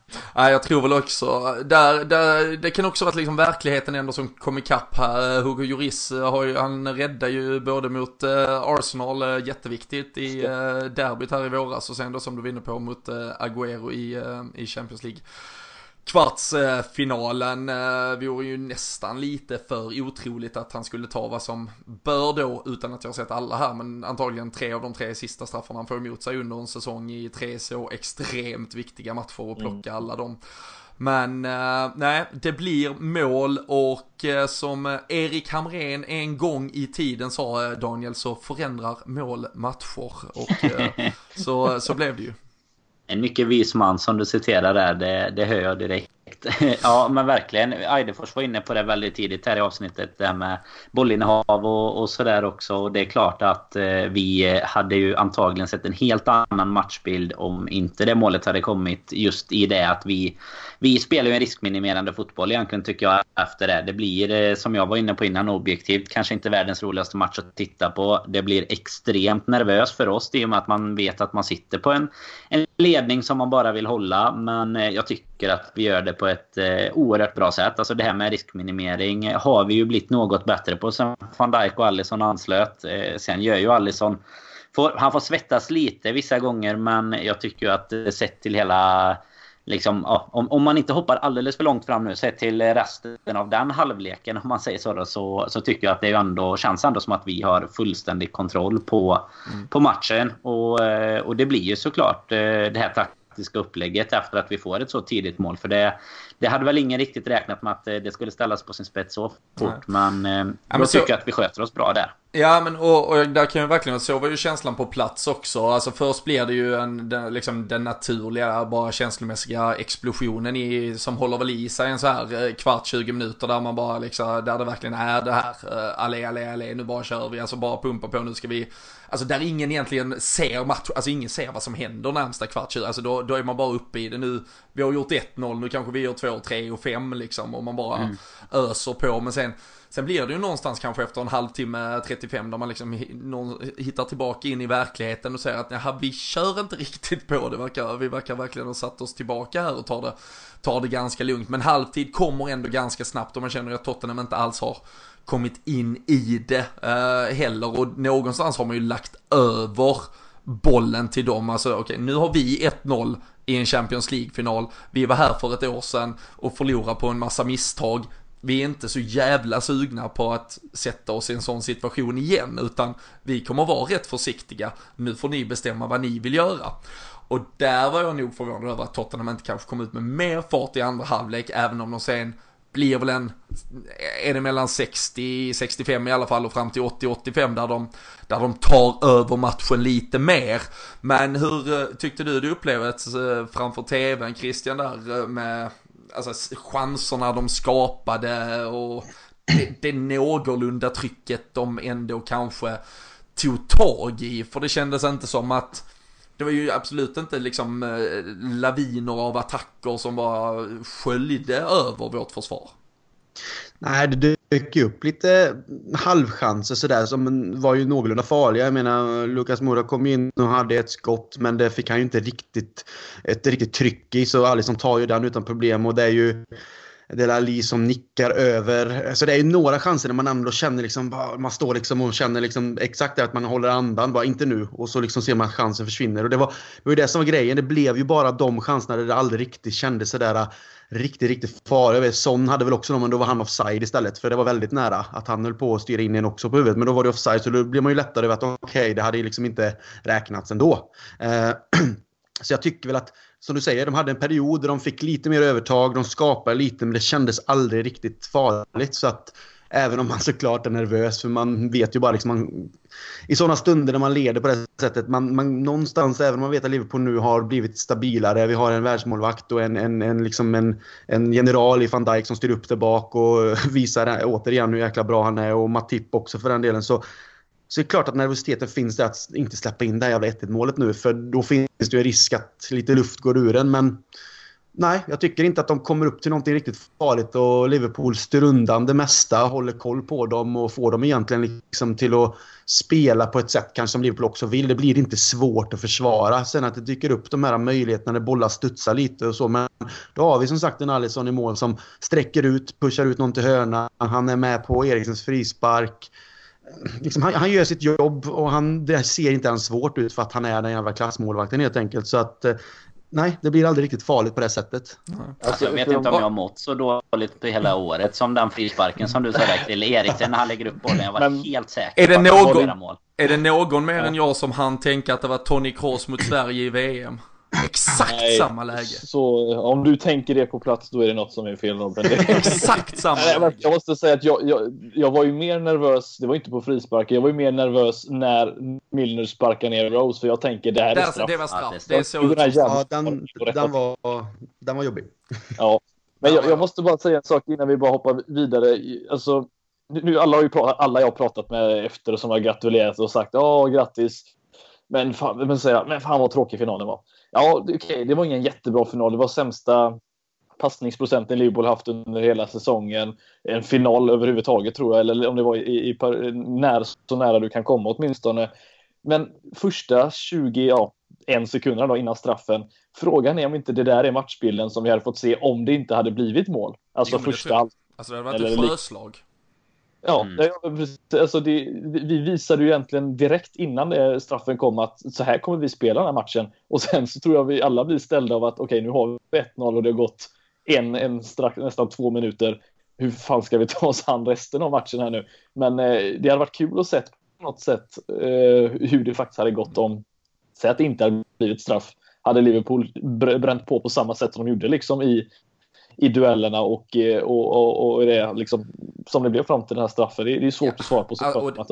Och, och där finns ju så otroligt mycket om, om och men att väga in i det här och där, där kan jag nästan tänka mig att, eh, låt säga att eh, vi hade varit inne i den, alltså frenesin i, i 25 minuter istället och fått 1-0, då kanske man mycket mer hade varit redan uppe på de varven att det hade inte gått riktigt att bara dra tillbaka det och förändra matchbilden så radikalt. Men här, här, här blir det ju verkligen som att nu ska vi spela, vi ska spela en fotbollsmatch men vi fick handikapp 1-0. Och hur, mm. hur tar man sig an en sån match? Alltså kontra när vi såg vändningen mot Barcelona, då var det ju då kanske man i normalfallet hade fått, hade vi fått 3-0 efter 3 sekunder, ja då hade vi nog gått för att spela 3-0 den och så hade det fått avgöras på straffar. Men då är man så inne i det så då bara fortlöper det. Och sen, sen måste man ju bara konstatera att vi idag då har den defensiva stabila, solida grunden att stå på. Att vi är så trygga i att göra den liksom taktiska förändringen, eh, omdisponera liksom exakt hur vi, mycket vi löper, hur vi pressar, hur vi ställer upp laget och så vidare. Och, och jag vet att du Fredrik har tittat mycket på liksom Allisons del i det. Det blir ju såklart en ganska extrem eh, så här liksom målvaktsförändring mot förra, förra årets mm. final utan att vi behöver gå in på Karius. Åtta räddningar eh, gör han trots allt. Det är ju också, alltså det är inga superräddningar men det är ju liksom stabilitet. Han håller bollarna eller lägger ut dem så pass långt ut mot hörnor och så vidare så att det liksom aldrig känns nervöst. Tredje målvakt, eller tredje brassemålvakten faktiskt. Sex målvakter totalt som har hållit nollan i en Champions League-final. Så det är ganska unikt också att man håller nollan i en Champions League-final. Men, men om du sätter lite fler ord på, på vad han kom att betyda, speciellt med matchbilden som blev. Ja, men det är alltså allting med honom eh, i slutändan, inte bara räddningarna. Vi, vi såg han, hans sätt att starta ett, eh, starta ett anfall. Jag, jag vet inte om du såg den på plats, vi såg den sannoliken. Salas, eh, det var, ja. det var som att han sköt, han sköt den ner mot mitt huvud ungefär och sen stack den ut till Salas. Jag, den, ja, men precis. Den, Hela, men helheten där, alltså han, han bidrar ju med inte bara som sagt räddningar och stabiliteten och lugnet där bak. Som sagt, jag kan, jag kan inte föreställa mig hur det hade sett ut om vi hade haft någon annan målvakt eller om vi inte hade kört in en målvakt och vi hade fått samma liksom press på oss då i andra halvlek när Son och Kane och de här börjar skjuta. Eh, för övrigt ska jag tillägga, det var en till situation jag började nästan skita på mig i matchen och jag kan bara tänka mig hur illa det har varit från Robins synvinkel när, när Delali ska chippa den över eh, Allison och den inte har tillräckligt med fart men man har sett honom göra det tidigare och försöka sig på den. Där, alltså, fy fan vad mitt hjärta stod stilla i några sekunder där. Men, eh, nej, men liksom helheten med honom att han eh, liksom startar igång spelet på det rätta sättet. Han slår knappt iväg ett, en boll, inte ens när han ska göra utspark eller utkast. Alltså någonting. Det, jag har aldrig varit så lugn i hela mitt liv och det är en Champions League-final på ett sätt när det kommer till eh, de här skotten. Eriksens frispark, det är klart jag är nervös men det är inte så att jag sitter och tror att det ska bli mål för det. För jag vet att Alisson han har han är stor för övrigt så han, han når ju de flesta bollarna i slutändan. Det, det, alltså, jag har aldrig känt mig så här lugn i hela mitt liv när jag och Liverpool har, har spelat en så viktig match. Och det, det är ju såklart tack vare försvaret och vad Laika har gjort, men det är ju han som räddar bollarna. Jag menar, det, ja, det, det är farliga skott i slutändan han räddar eh, och, och stöter ut i hörna och liknande. Så att, nej, jag kan inte någonting annat säga att, att det här är ju ett av de bästa köpen vi på länge med vad allt van Dijk har gjort och vad allt vad Mané och Salah och så vidare. Men det här gör ju så stor skillnad. Det måste vi ändå säga. Mm. Jag såg att eh, van Dijk eh, blev utsedd till matchens lirare på plats eh, av, eh, av Uefa. Sen eh, blev Allison det av eh, Liverpool officiellt. Den, vem, vem tyckte du var liksom tungan på vågen om man behöver välja mellan de två? Om jag hade valt av dem så är det Allison tycker jag. I denna matchen. Ja, men man, jag tyckte han var bättre än vad det, det, är så, det är så lätt att, ja, det var så lätt han var att lite bortse från honom i många av de här matcherna bara för att det är så mycket van Dijk och det är ju lite det här när när Son går förbi finns ju en situation där man mm. tror att van Dijk till slut har blivit avdribblad för första gången den här säsongen och så kommer han tillbaka och, och tar ut den liksom. Han var aldrig, han var aldrig bakom heller. Han var, det med att säga att han var tillbaka i slutändan, han var ju aldrig förbi honom ändå. Ja, han, vi visste vad som skulle ske i slutändan. Det var lite så här att Van Dijk för första gången på hela säsongen kände att oh, nu får jag ta i lite då. Ungefär så. Nej men det, det, är ju så att det blir ju, man lyfter ju honom så extremt mycket att Matip blir ju lite den där extra extra spelaren bara. Men, men han har ju egentligen gjort en helt otrolig resa. Men det, man kan ju prata jättelänge om honom också. Liksom från att nästan ja, egentligen varit fjärde valet bakom van Dijk, Gomes och, och Lovren. Och så komma in och, och bara vara en, eh, liksom, ja, en jätte egentligen. I många av de här matcherna som har varit det senaste har ju han kanske varit bättre än van Dijk till och med. Men, eh, men väljer jag bara mellan de två nu då i alla fall så ett långt svar kort så är det Alisson då. ja, nej men det, och, och van Dijk måste ju vara den första mittbacken i världshistorien som har spelat en Champions League-final där man har försvarat en ledning i 94 minuter ungefär och eh, det var 37 grader ungefär när matchen spelades och han var inte svettig efter matchen. Mm. Det, nej men det säger ju lite om hur jävla sinnessjukt den den gubben är. Eh, man eh, snabbspolar eh, vi fram till den där enorma explosionen av glädje som kommer till slut så ehm, har vi ju varit inne på Divock Origi och den kultstatus han numera för evigt kommer att besitta i, i Liverpool på Merseyside för varenda röd själ världen över och Ehm, eh, tittar vi tillbaka på säsongen så, så har vi ju nämnt Everton, vi, vi har eh, Newcastle-matchen eh, i, i ligaavslutningen, vi har de två målen mot Barcelona.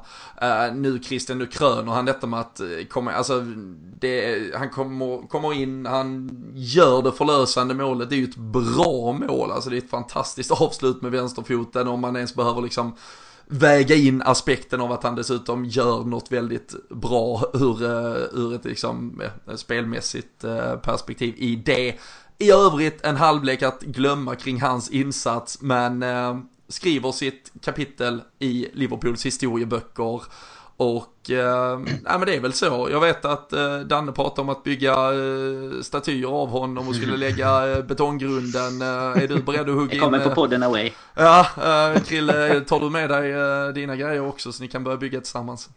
Absolut, jag twittrade också om det där att nu ska vi bygga den här statyn och Daniel var inte sen på att svara där. Det var någon annan som kommenterade om att... Det var ju någon som sa att jag hade lovat att fixa grunden så nu cementblandaren har ju stått på här i tre ja. Nej men alltså det, det blir ju också det här, det här målet. Inte nog med vad du gör i den här finalen att det säkrar Champions League-titeln. För det, när, när, det, när det blev mål och det som du säger ett, ett vackert mål, ett superavslut på det sättet han får in i det bortre. Det är jättebra gjort. Det är ju inte lätt egentligen. Man får till det så pass. Och den explosionen som sker vart man än befinner sig i det läget som supporter. Jag, jag själv bröt ihop då. Det var bara, jag bara grät. Det var hulkande liksom. Och sen gick jag bara omkring och kramade folk och var helt blöt i ansiktet. Och för då kände jag att det var klart. Och det, det är alla de här känslorna som vi pratade om i början som har suttit inne så länge. Frustration och missade chanser och eh, Gerardhalkningar och Kiev och mycket annat personligt i livet för den delen med. Liksom som, som betyder så mycket kring just Liverpool där allting knyts samman. Så när det väl blev så, så var det bara en våg av, av känslor liksom. Och jag tror inte som sagt jag har, ja, jag har inte gråtit så mycket som Barcelona.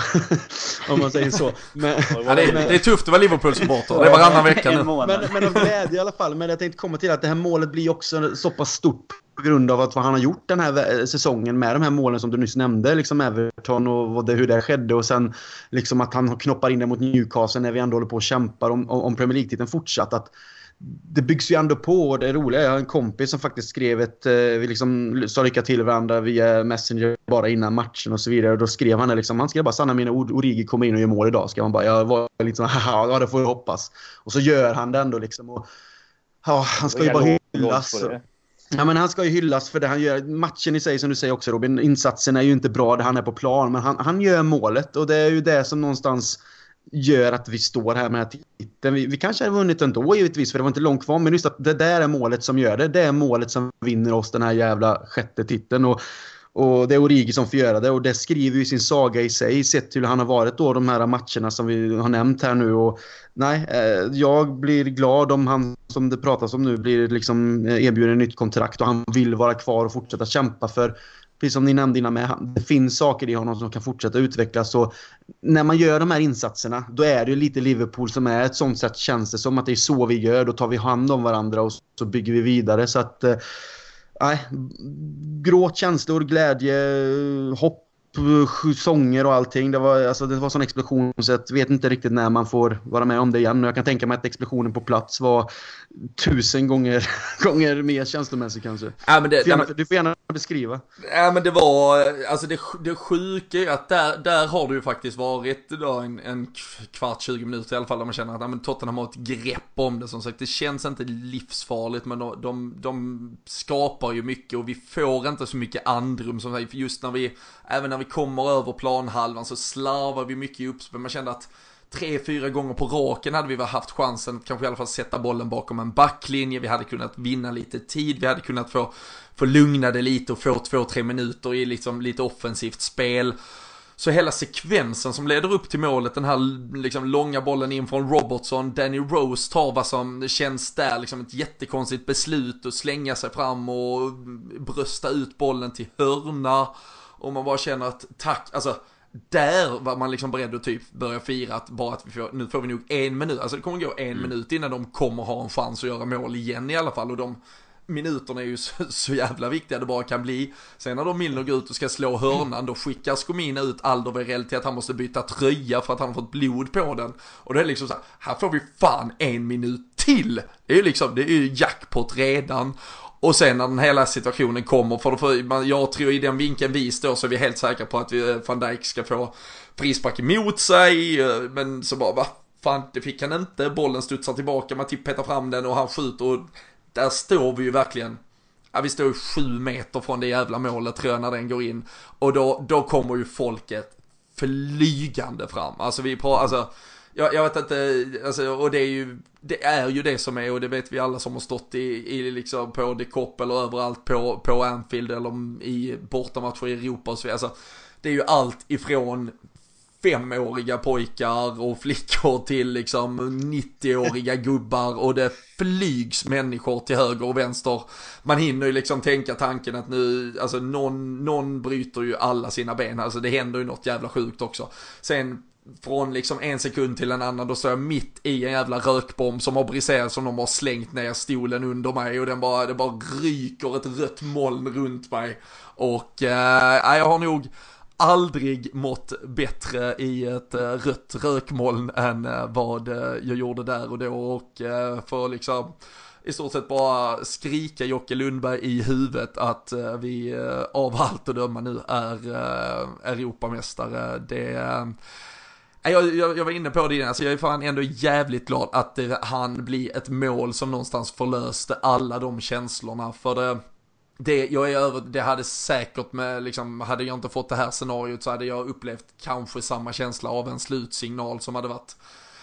Men någonstans hade den endast varit liksom dränering av all ångest som hade varit i 95. Nu kom det där och då och så fick man verkligen stå och sjunga av de sista minuterna med You Never Walk Alone med att vi har tagit över hela jävla Europa. Allé, allé, allé, alla de delarna. Och eh, och efter matchen för att bara återknyta till Origi så, så är det ju liksom alltså alla de här gamla jäkla gubbarna som har gått och sett Liverpool sen 60, 70, 80-talen och så vidare. Så David Faircloughs inhopp mot Sant Etienne som vände det 77 liksom. Alltså det, det är på den nivån man pratar om Divock Origi nu och eh, kommer ju, alltså det är ju det är ju det vi kommer att berätta om på våra bara. Alltså, här fanns en kille som egentligen skulle sälja. Han kom in en gång på hösten mot Röda Stjärnan. Då trodde vi knappt han tillhörde vår klubb och vi skrattade åt varje sekvens han gjorde på banan. Sen kom han in och gjorde de viktigaste målen över en hel säsong och gjorde så att vi blev Europamästare. Sluta aldrig drömma, så allting kan hända. Alltså det är ju en, det är ju en sannsaga som liksom, äh, äh, som aldrig hade ett slut och den är kanske inte slut nu heller och den har liksom toppat alla nivåer av rimlighetens äh, scenario. Så det, äh, det är ju, det är sinnessjukt Fredrik. Vad, vad, vad som hände där egentligen de minuterna. Ja, nej, men man, som sagt, man vet, man vet ju inte vad man ska säga mer än att det, man har ju gått och, och väntat på detta så, så himla länge. Eh, det är självklart att vi alla här nog hade tagit en Premier League-titel före, men med tanke på hur hur den här säsongen sett ut, hur den här Champions League-säsongen sett ut. Vi var, vi var egentligen ett skott, en Alisson-räddning från att egentligen åka ur i gruppspelet.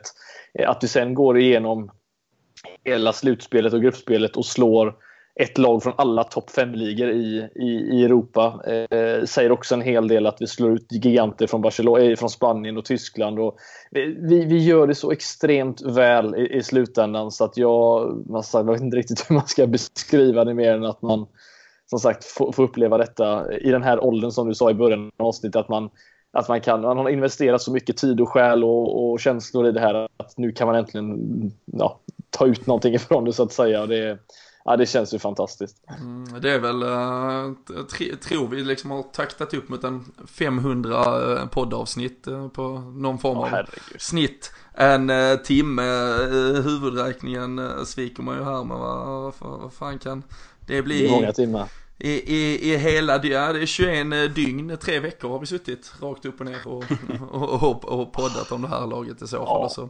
Lägg till uh, o, uh, oändligt med, med, med, tid man bara sitter och grubblar och förbannas och, och är nervös och gråtfärdig och allt jag, jag tänker så här Robin, jag, jag pensionerar mig när jag gjort 858 för du har ju slått antal matcher som Carragher gjort sammanlagt. Så att jag tänker det, då, då, då, då jag stannar där någonstans. Ja, det är bra. Eh, se till att hålla räkningen själv för uh, jag tror ingen annan kommer göra det. Vi, vi har gärna dig kvar på, på mycket ja, längre tid än uh, så. Däremot så vågar jag lova dig att vi har vunnit ligan innan 858 avsnitt också. För det, det är verkligen den känslan man, man, man faktiskt lämnar med efter det här. Att um, oavsett resultat, det skrev jag en text om innan, så var detta inte det var varken början eller slutet, här var bara ett stopp eh, längs vägen mot, eh, mot en framtid som kommer att vara otroligt ljus för, eh, för Liverpool. Och där blir det någonstans där, alltså det är allt det vi ser dagen efter, alltså allt det som Jürgen Klopp personifierar, vi har varit inne på gruppdynamiken som, som är vad den är, alltså det kan, alltså vi är ju snart uppe på nivå, alltså jag kan ju inte tänka mig spela, vi har, man, vi har kunnat se rapporter på att vi har vi är liksom den klubb som har genererat mest pengar någonsin på tv-avtalen i England. Vi är den klubb som har genererat mest pengar någonsin på liksom ett Champions League, eh, alltså tåg. Vi, vi såg FSG med, med John Henry och Tom Werner och framförallt Linda Pisutti som var allt och ja, hon var överallt och var med och firade och hade sig och allt möjligt. Men de kommer ju inte, alltså, de, de, de, alltså får de inte mer smak av det här så vore det ju helt sinnes. Alltså, vilken spelare i hela världen skulle inte idag mm. vilja bli en del av detta Liverpool? Och det är, alltså det är på två år det har skett.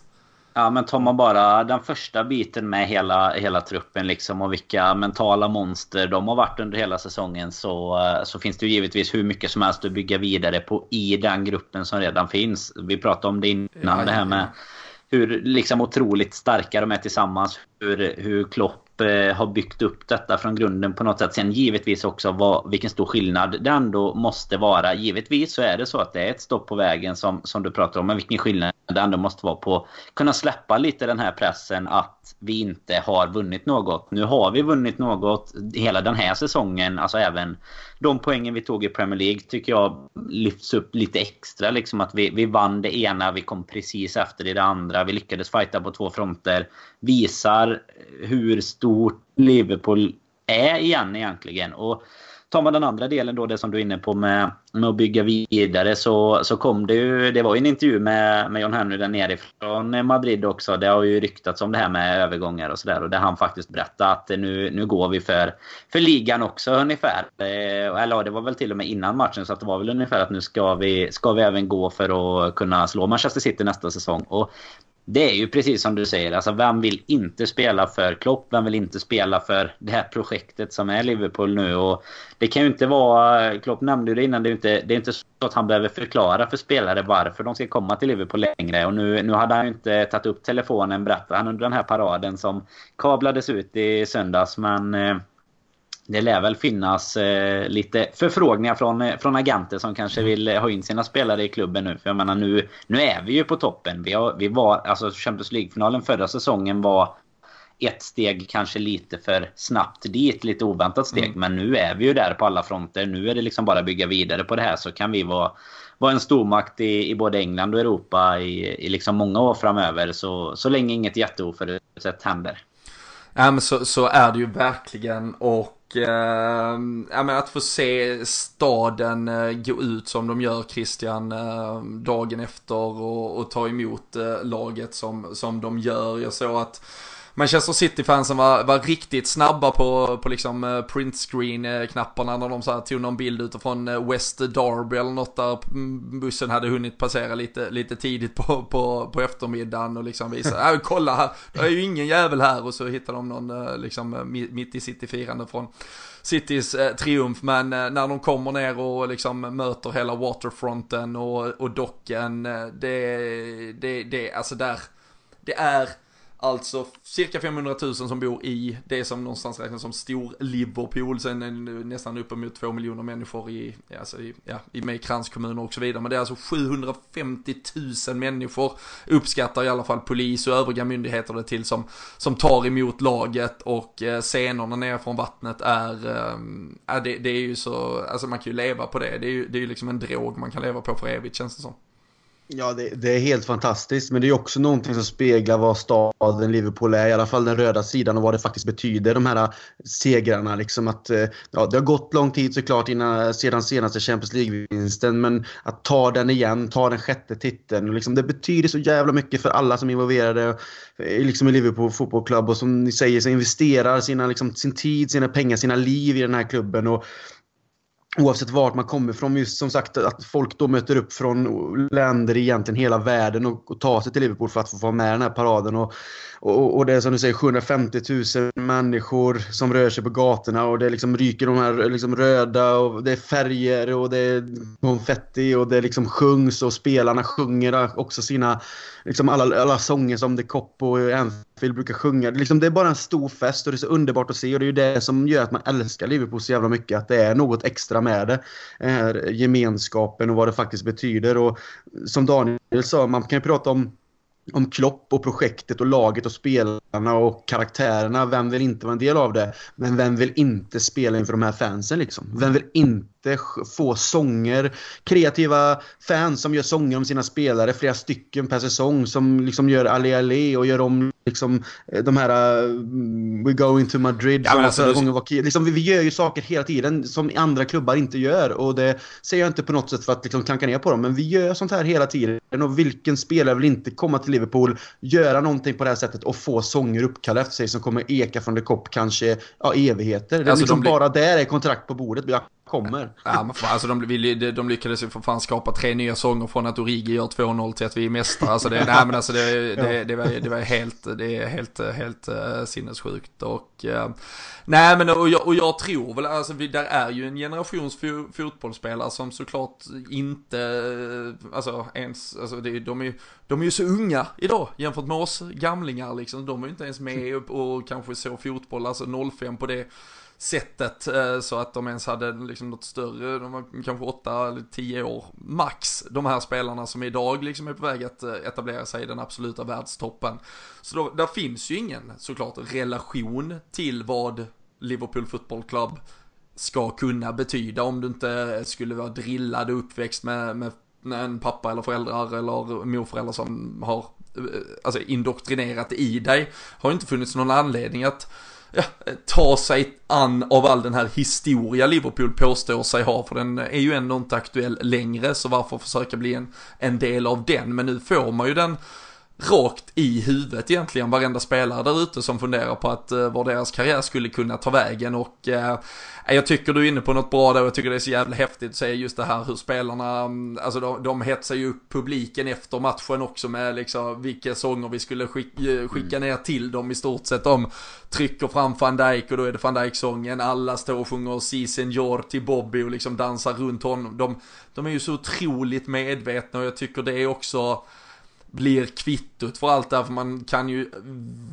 verkligen väldigt ofta i den här väldigt stora fotbollen det är känna att man som supporter är så långt ifrån de här spelarna att det kanske knappt betyder eh, något för dem att vi faktiskt bryr oss för sen leder, lever de i en skyddad värld igen och går in i sina bubblor där vi faktiskt inte existerar. Men men här såg man ju verkligen inifrån och det var ju liksom även när kamerorna var släckta ut mot offentligheten och när kamerorna, eller framförallt fansen var utestängda i form av att det var i omklädningsrum eller på deras egna efterfester efteråt att de där sångerna sjungs ändå och fick eka hela natten och eh, från spelarna själva.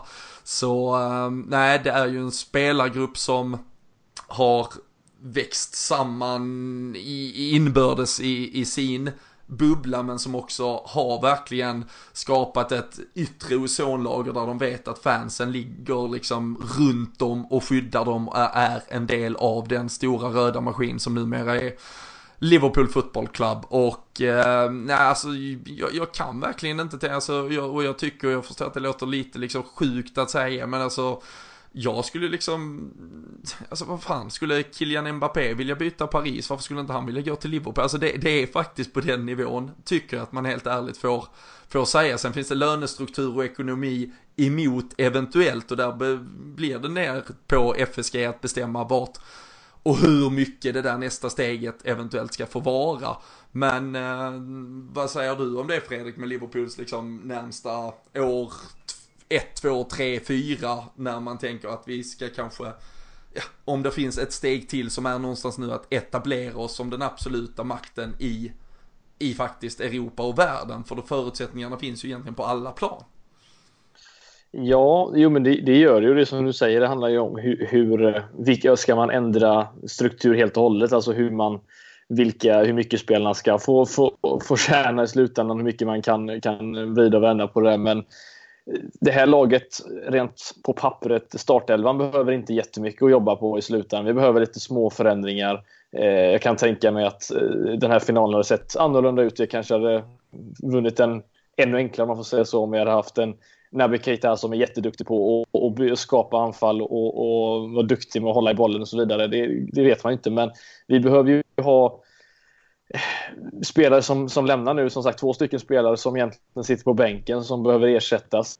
Vi behöver ju göra precis som, behöver vi vara lika hårda som Manchester City är fast kanske inte gå in lika hårt i, i, i marknaden som de gör. Men just att, att förstärka med bättre spelare nu som, än de som lämnar och verkligen eh, bygga på det på det sättet. Men vem som helst skulle ju kunna kunna göra detta i slutändan, alltså kunna, kunna joina oss. Det finns, finns inte så jättemycket som, som hindrar oss. Det är, utan, ja, det är väl City då som hindrar oss i slutändan. Att, att folk ser dem, eller de här spelarna fortfarande ser dem som det, det större laget. De, för där kan de fortfarande tjäna pengar. De kommer utmana mer kanske än vad vi gör. Det vet vi inte heller. Men Eh, som sagt, Mbappé skulle han någon gång vilja. Jag skulle själv inte vilja ha honom för jag tycker jag, jag hatar honom, men det är en annan femma.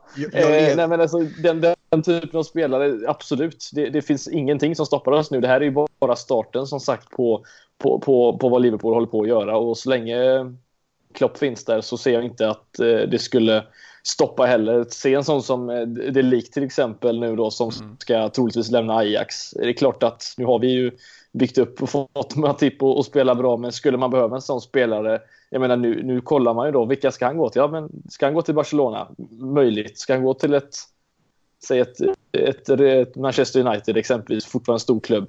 Ja, absolut, men det är klart, Liverpool finns ju där. Vi kommer ju vara med där. De, det kan ju vara mycket väl vara så att han tackar nej till dem för att han vill spela för oss. Det vet vi ju inte, men så stor, är ju, så stor klubb är vi ju i slutändan. Och det ska bli kul i sommar att se vad som händer här nu. Han stod ju och... Ja, förlåt. Han stod och applåderade uh, in sina uh, landslagskamrater uh, här i morse också när van Dijk och uh, Wijnaldum ja, kom till.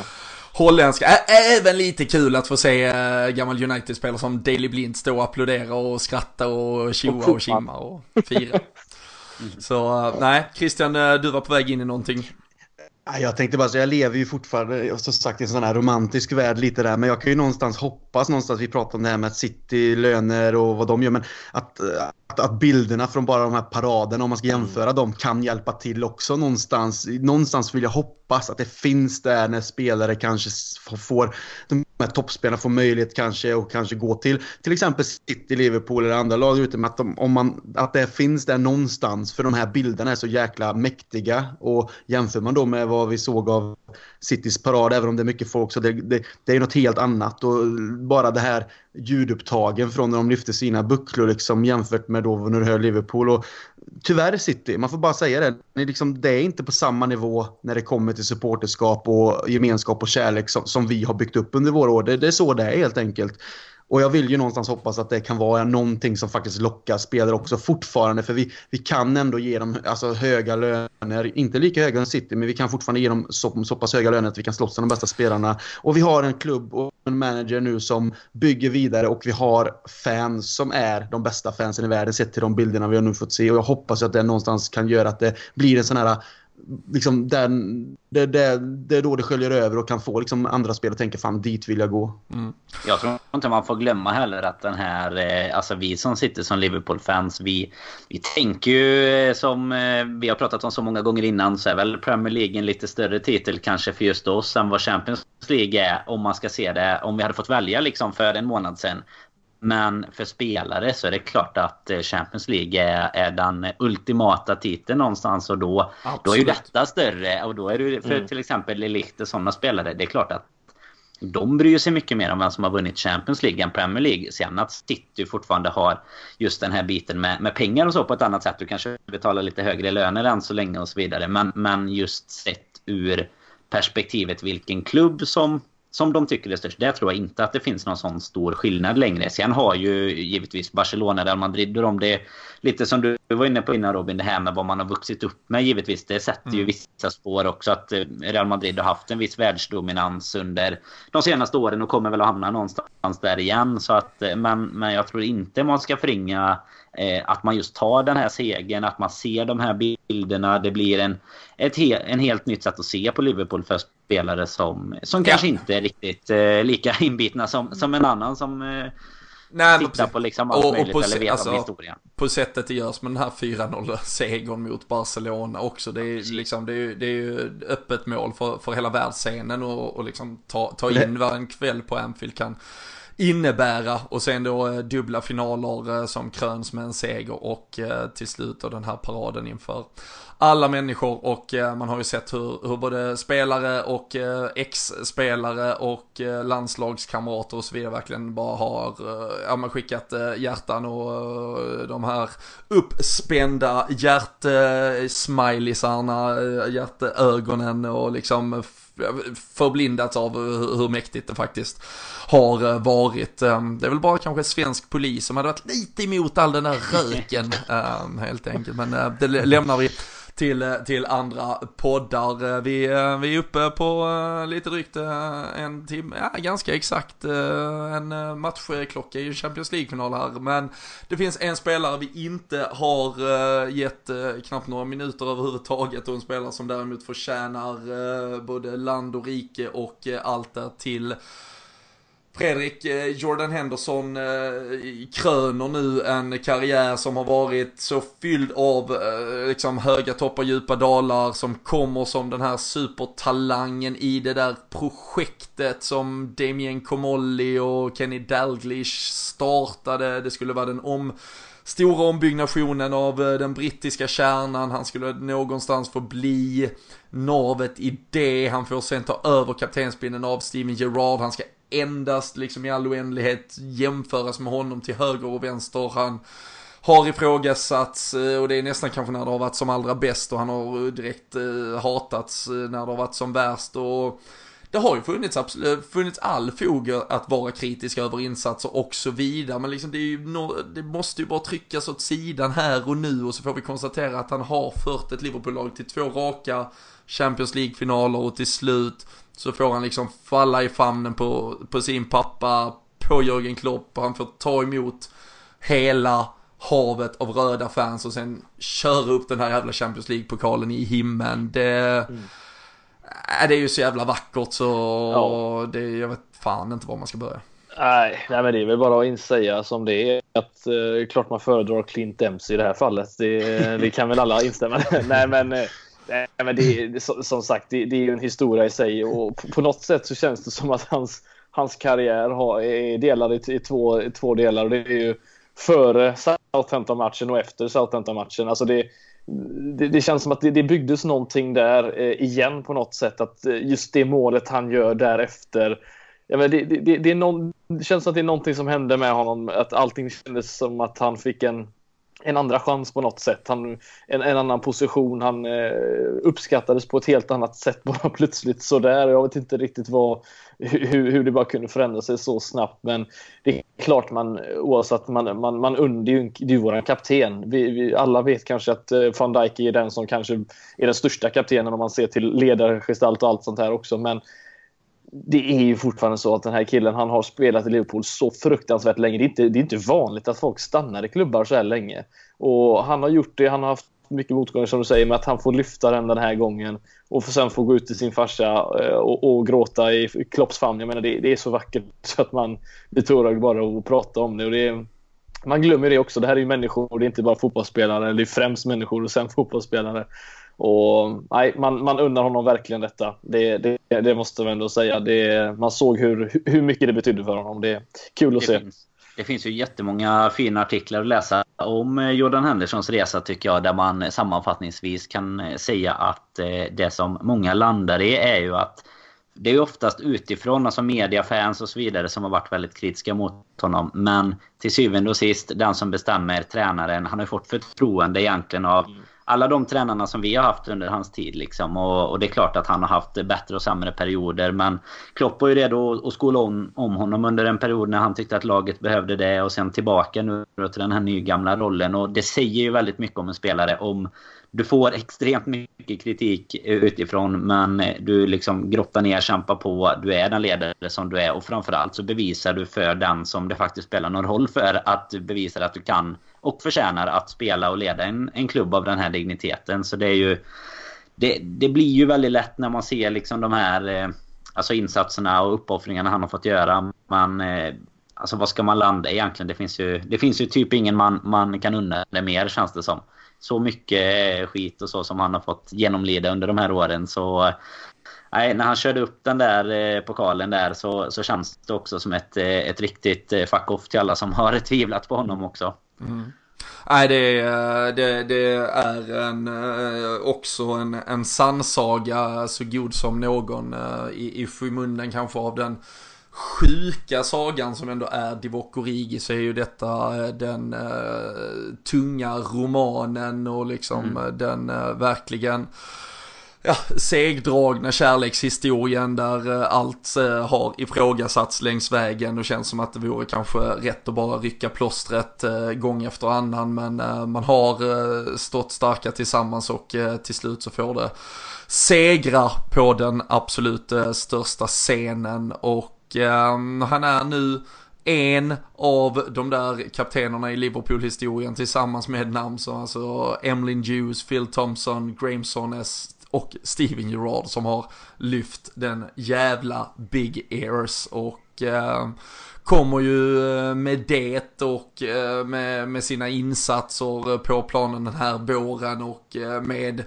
antagligen av allt att döma den del han kommer att spela i ett, i ett framtida Liverpool de här kommande 3-4 åren som vi väl då tror och hoppas som vi var inne på kommer att vara kanske de mest eh, framgångsrika. Vi kan ju konstatera att det kommer att vara det rent spelmässigt. Vi vet att vi kommer att vara ett eh, storlag eh, ett par år framöver och sen är det mycket möjligt att pendlar och cykler slår om och allting. Det ska man ju passa sig för att tro och lova något annat i fotbollsvärlden så som den ser ut av, eh, av, av dagens eh, tidsepok. Men eh, att eh, vi kommer att vara ett väldigt framgångsrikt lag och att Jordan Henderson kommer att vara kaptenen som leder det framåt eh, tror jag vi kan eh, konstatera. Och eh, även om nog vi alla har eh, tagit orden i mun vid tidigare tillfällen så tror jag vi kan konstatera att kaptensbinden inte kommer byta ägare eh, till sommar. Eh, även om eh, jag tror man har liksom landat i att Virgil van Dijk mycket väl kan få vara den store starke ledargestalten. Men eh, den kommer inte byta arm eh, av eh, liksom, ja, eh, de skälen. Utan den, den sitter nog snart kanske till och med liksom tatuerad runt, runt armen på Jordan Henderson, tror jag. Man får säga vad man vill, men det är så enkel fotbollsvärlden faktiskt kan vara när man landar i alla de här känslorna. Jag vet inte vad mer vi har från Hu, finalen. säger jag bara. vad säger du Fredrik? Hu. Hu. Hu. Ja, det, äh, det, är ju, det är ju där man, man landar och man kände väl efter Premier League-säsongen, eh, maratonloppet, eh, det var de 97 mot de 98 poängen till slut. Där behövde man ett eh, break och man känner väl inte att man liksom har blivit yngre och fräschare de senaste veckorna helt enkelt. Utan det skulle bli rätt gött med, med lite sommarledigt Christian, eller vad, vad känner vi? Lite sommarledigt, andas och hinna ladda om batterierna för att köra igen nästa säsong. Men framförallt kanske träffa er grabbar igen under sommaren och egentligen bara kunna ha det gött och inte behöva alltid fokusera på det här Liverpool. Utan det är skönt med de här pauserna. Och man behöver också, du säger, du säger det, man, man blir bara äldre. Kroppen tål inte alltid lika mycket. Men likt förbannat ska vi ju försöker vi alltid komma iväg på så mycket som möjligt. Och vi sitter här och, och snackar och det är mycket tid som läggs ner. Så att eh, oavsett hur jäkla underbart och kul det är så behöver man också få sina vilostunder också. Så att det, det ska bli skönt. Mm. Danne till uh, statybygget i höst och podden away, vad, vad, vad behöver du att eh, resenärerna packar? Ja, man är ju ingen, eh, man är ju ingen mäktig hantverkare så att jag vet inte, det kanske finns det någon finns som kan, kan någon, berätta det. Någon som jobbar på, har vi spons på någon betongfabrik så ja, vi får kontakt. se om någon kan. Det känns, som Dan, känns som Danne, du hade gjort en sån staty som det blev på Ronaldo. Du vet den här som blev så... Du har gjort en sån med hans dreads. Det hade varit fantastiskt att se. Det ser bara ut som spaghetti hela. Nej, jag tror, jag tror det som Krille var inne på där, om man, om man ska gå tillbaka till den där pausen som kommer, så tror jag att eh, testa och säg det om två veckor Krille. Då tror jag att du bara vill att säsongen ska dra igång och vi ska spela Community Shield och Supercup och, och det är Boston och det är hela, det är mycket. Det, nu vill man ju bara att... Eh, nu det är bara du säger. Sitter man tre dagar efter och sen nu vill man att det ska igång igen. Men man ska väl få njuta lite av det här i alla fall först. Men eh, nej, jag tror att snart så, så längtar man nog tillbaka det har ju inte riktigt sjunkit in heller, alltså, tycker jag. Man går ju fortfarande, som Robin beskrev i början här, och svävar på mål. Man går liksom och fnittrar typ för sig själv som någon... liksom och, och ler och sjunger lite, trallar lite sånger och går och bara känner bara ah, fan vi är Champions League-mästare, det är så underbart. Och så tittar man på lite bilder och man kollar på videos och det, man lyssnar på podcasts och man kollar på intervjuer och presskonferenser. Så man, man är ju mitt i det fortfarande på grund ja, av sociala medier såklart. man hittar fortfarande nya bilder och sådär också. Man blir såhär, ja, den ja, vinkeln det... har jag nog inte sett på det firandet.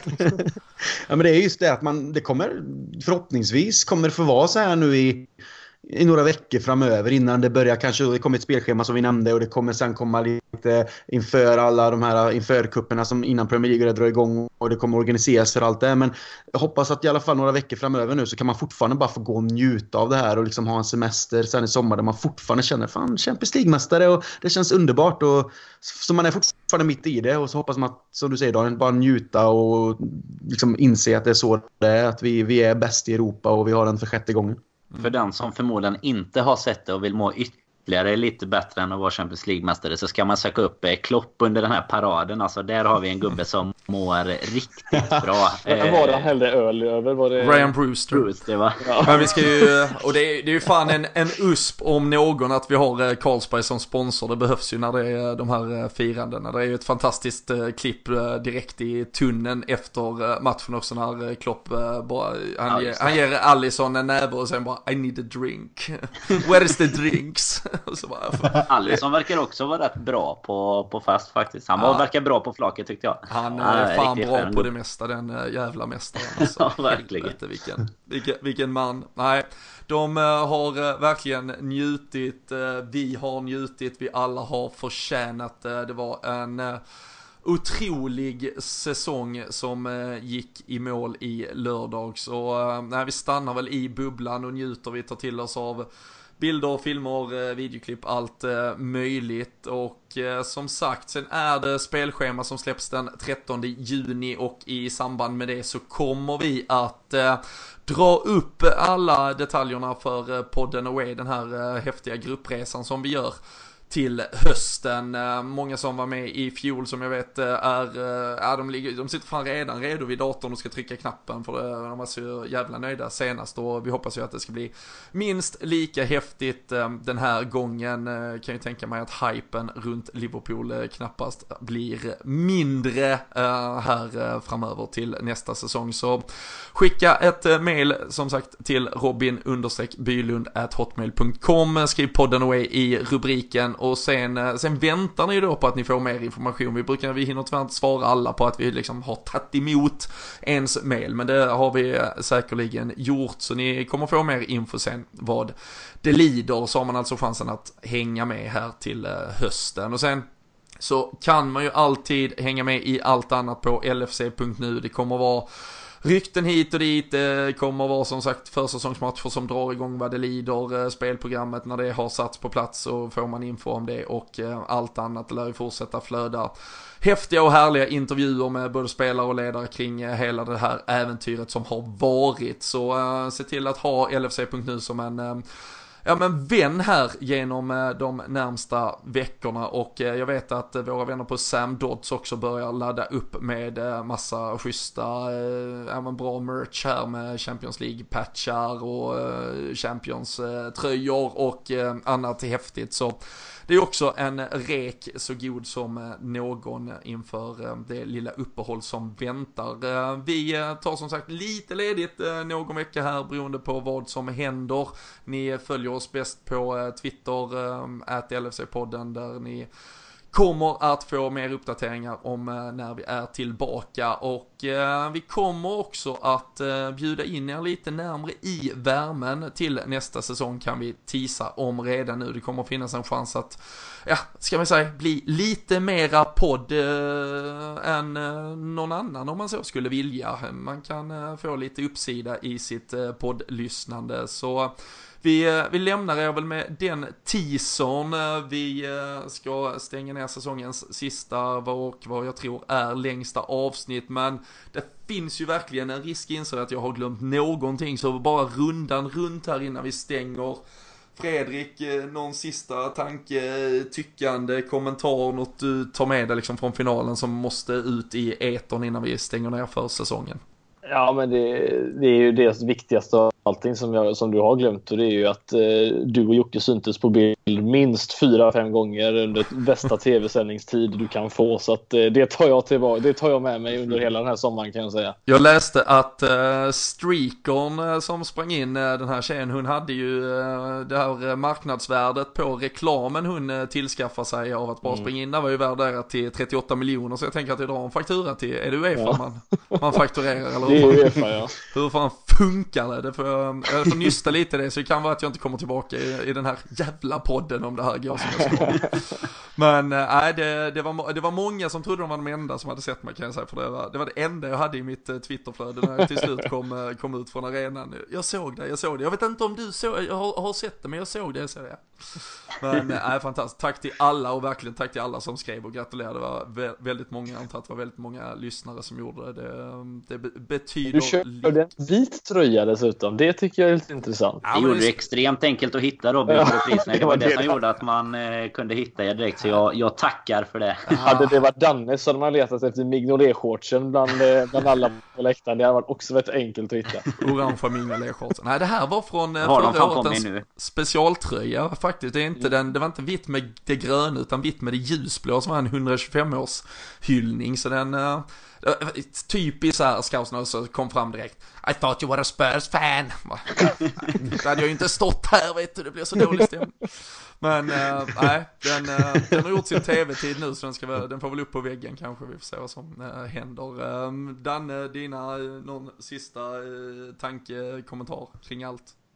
Nej, alltså ska man ta nu när vi ändå avrundar säsongen så vill man ju bara skicka med hur jäkla fantastisk Sadio Mané är också. Vi har inte nämnt honom så mycket här idag och det var ju ingen målskytt så sett i finalen och sådär. Men, men vilken jäkla gubbe. Det är liksom både, både på plan och utanför plan och, och i firande och så. Det är ju ja, bara... Bättre utanför plan än på plan tror jag. Ja, men ja, lika bra skulle jag säga. Hundraprocentig överallt. Såg ni när han var beredd att köra en flykick på pokalen i en rush ja, med? Alltså helt, helt underbar. Det är ju bara lyft upp den här gubben och, och Saknar fullständigt sinnesnärvaro på vad han är och vad han sysslar med. Men det, man älskar ju det. Äh, vi uh, går uh, vidare och uh, avslutar med Krille såklart vad du eventuellt vill skicka med lyssnarna in i ett litet uppehåll här från allt det som varit. Det som jag nog tar med mig från den här säsongen, även om det som vi sa innan har gått snabbt nu, så det Klopp har gjort på kort tid och hur den här säsongen jämfört med förra säsongen någonstans har det, har det satt sig alltihopa med hur laget är stabilt, vi tar 97 poäng, vi vinner Champions League. Och det är ju liksom en man som egentligen, jag ska inte säga en man bara, men det är ju Klopp som står längst fram som den här personen och profilen som gör det här möjligt. Och spelarna har ju hyllat honom från höger och vänster, att utan honom är det här omöjligt. Så att det är att vi har Jörgen Klopp som tränare och sen avslutningsvis tycker jag att bilderna på Henderson med sin pappa är någonting av det vackraste som jag har sett. Så att eh, när du skrev om det Robin i din krönika och jag läste det då var det fan lite tårar som rann. Så vackert och det är ju det som är att vara Liverpool-supporter med. Så det är det jag tar med mig och säger till alla LFC-fans där ute. Ja. Nej, det har varit en helt fantastisk eh, säsong. Det är ett Liverpool som har eh, växlat upp i, i både liga och eh, Champions League-spel. Ehm, en, en podd som jag tycker att vi också har växlat upp och jag känner att vi har med oss lyssnare där ute på ett sätt som vi nog aldrig haft förut. Det gör det extra roligt att göra den här podden. Som sagt, podden away, det kommer vänta supporterträffar som jag vet kommer börja ta sin form form direkt. Spelschemat är ute, vi har ju alltid den stora träffen i Malmö, jag vet att Kalmar kör sin fotbollsturnering och det väntas ju även någon stor eh, 20-årsjubileum för supportklubben i, i Stockholm eh, förhoppningsvis till tidig höst. Så vi ska väl komma ut i, eh, i stugorna. Jag vet Ulli Vedal i Göteborg vill att vi tittar förbi dem också så vi kanske får ut på lite turné eh, vad det lider men eh, det är ju för jävla roligt att vi verkligen gör detta tillsammans med er där hemma. Så eh, stort tack eh, till alla er som eh, lyssnar vecka in vecka ut. Eh, jag hoppas att ni fick en avslutning värdig den säsongen som har varit. Att ni stod ut i de två timmar vi nu närmar oss. Och sprid gärna både all information om podden, specifika avsnitt och hojta gärna till på sociala medier när vi känner att vi saknar varandra för mycket här de närmsta veckorna. Så hörs vi snart igen. Tack så jättemycket för en helt underbar säsong.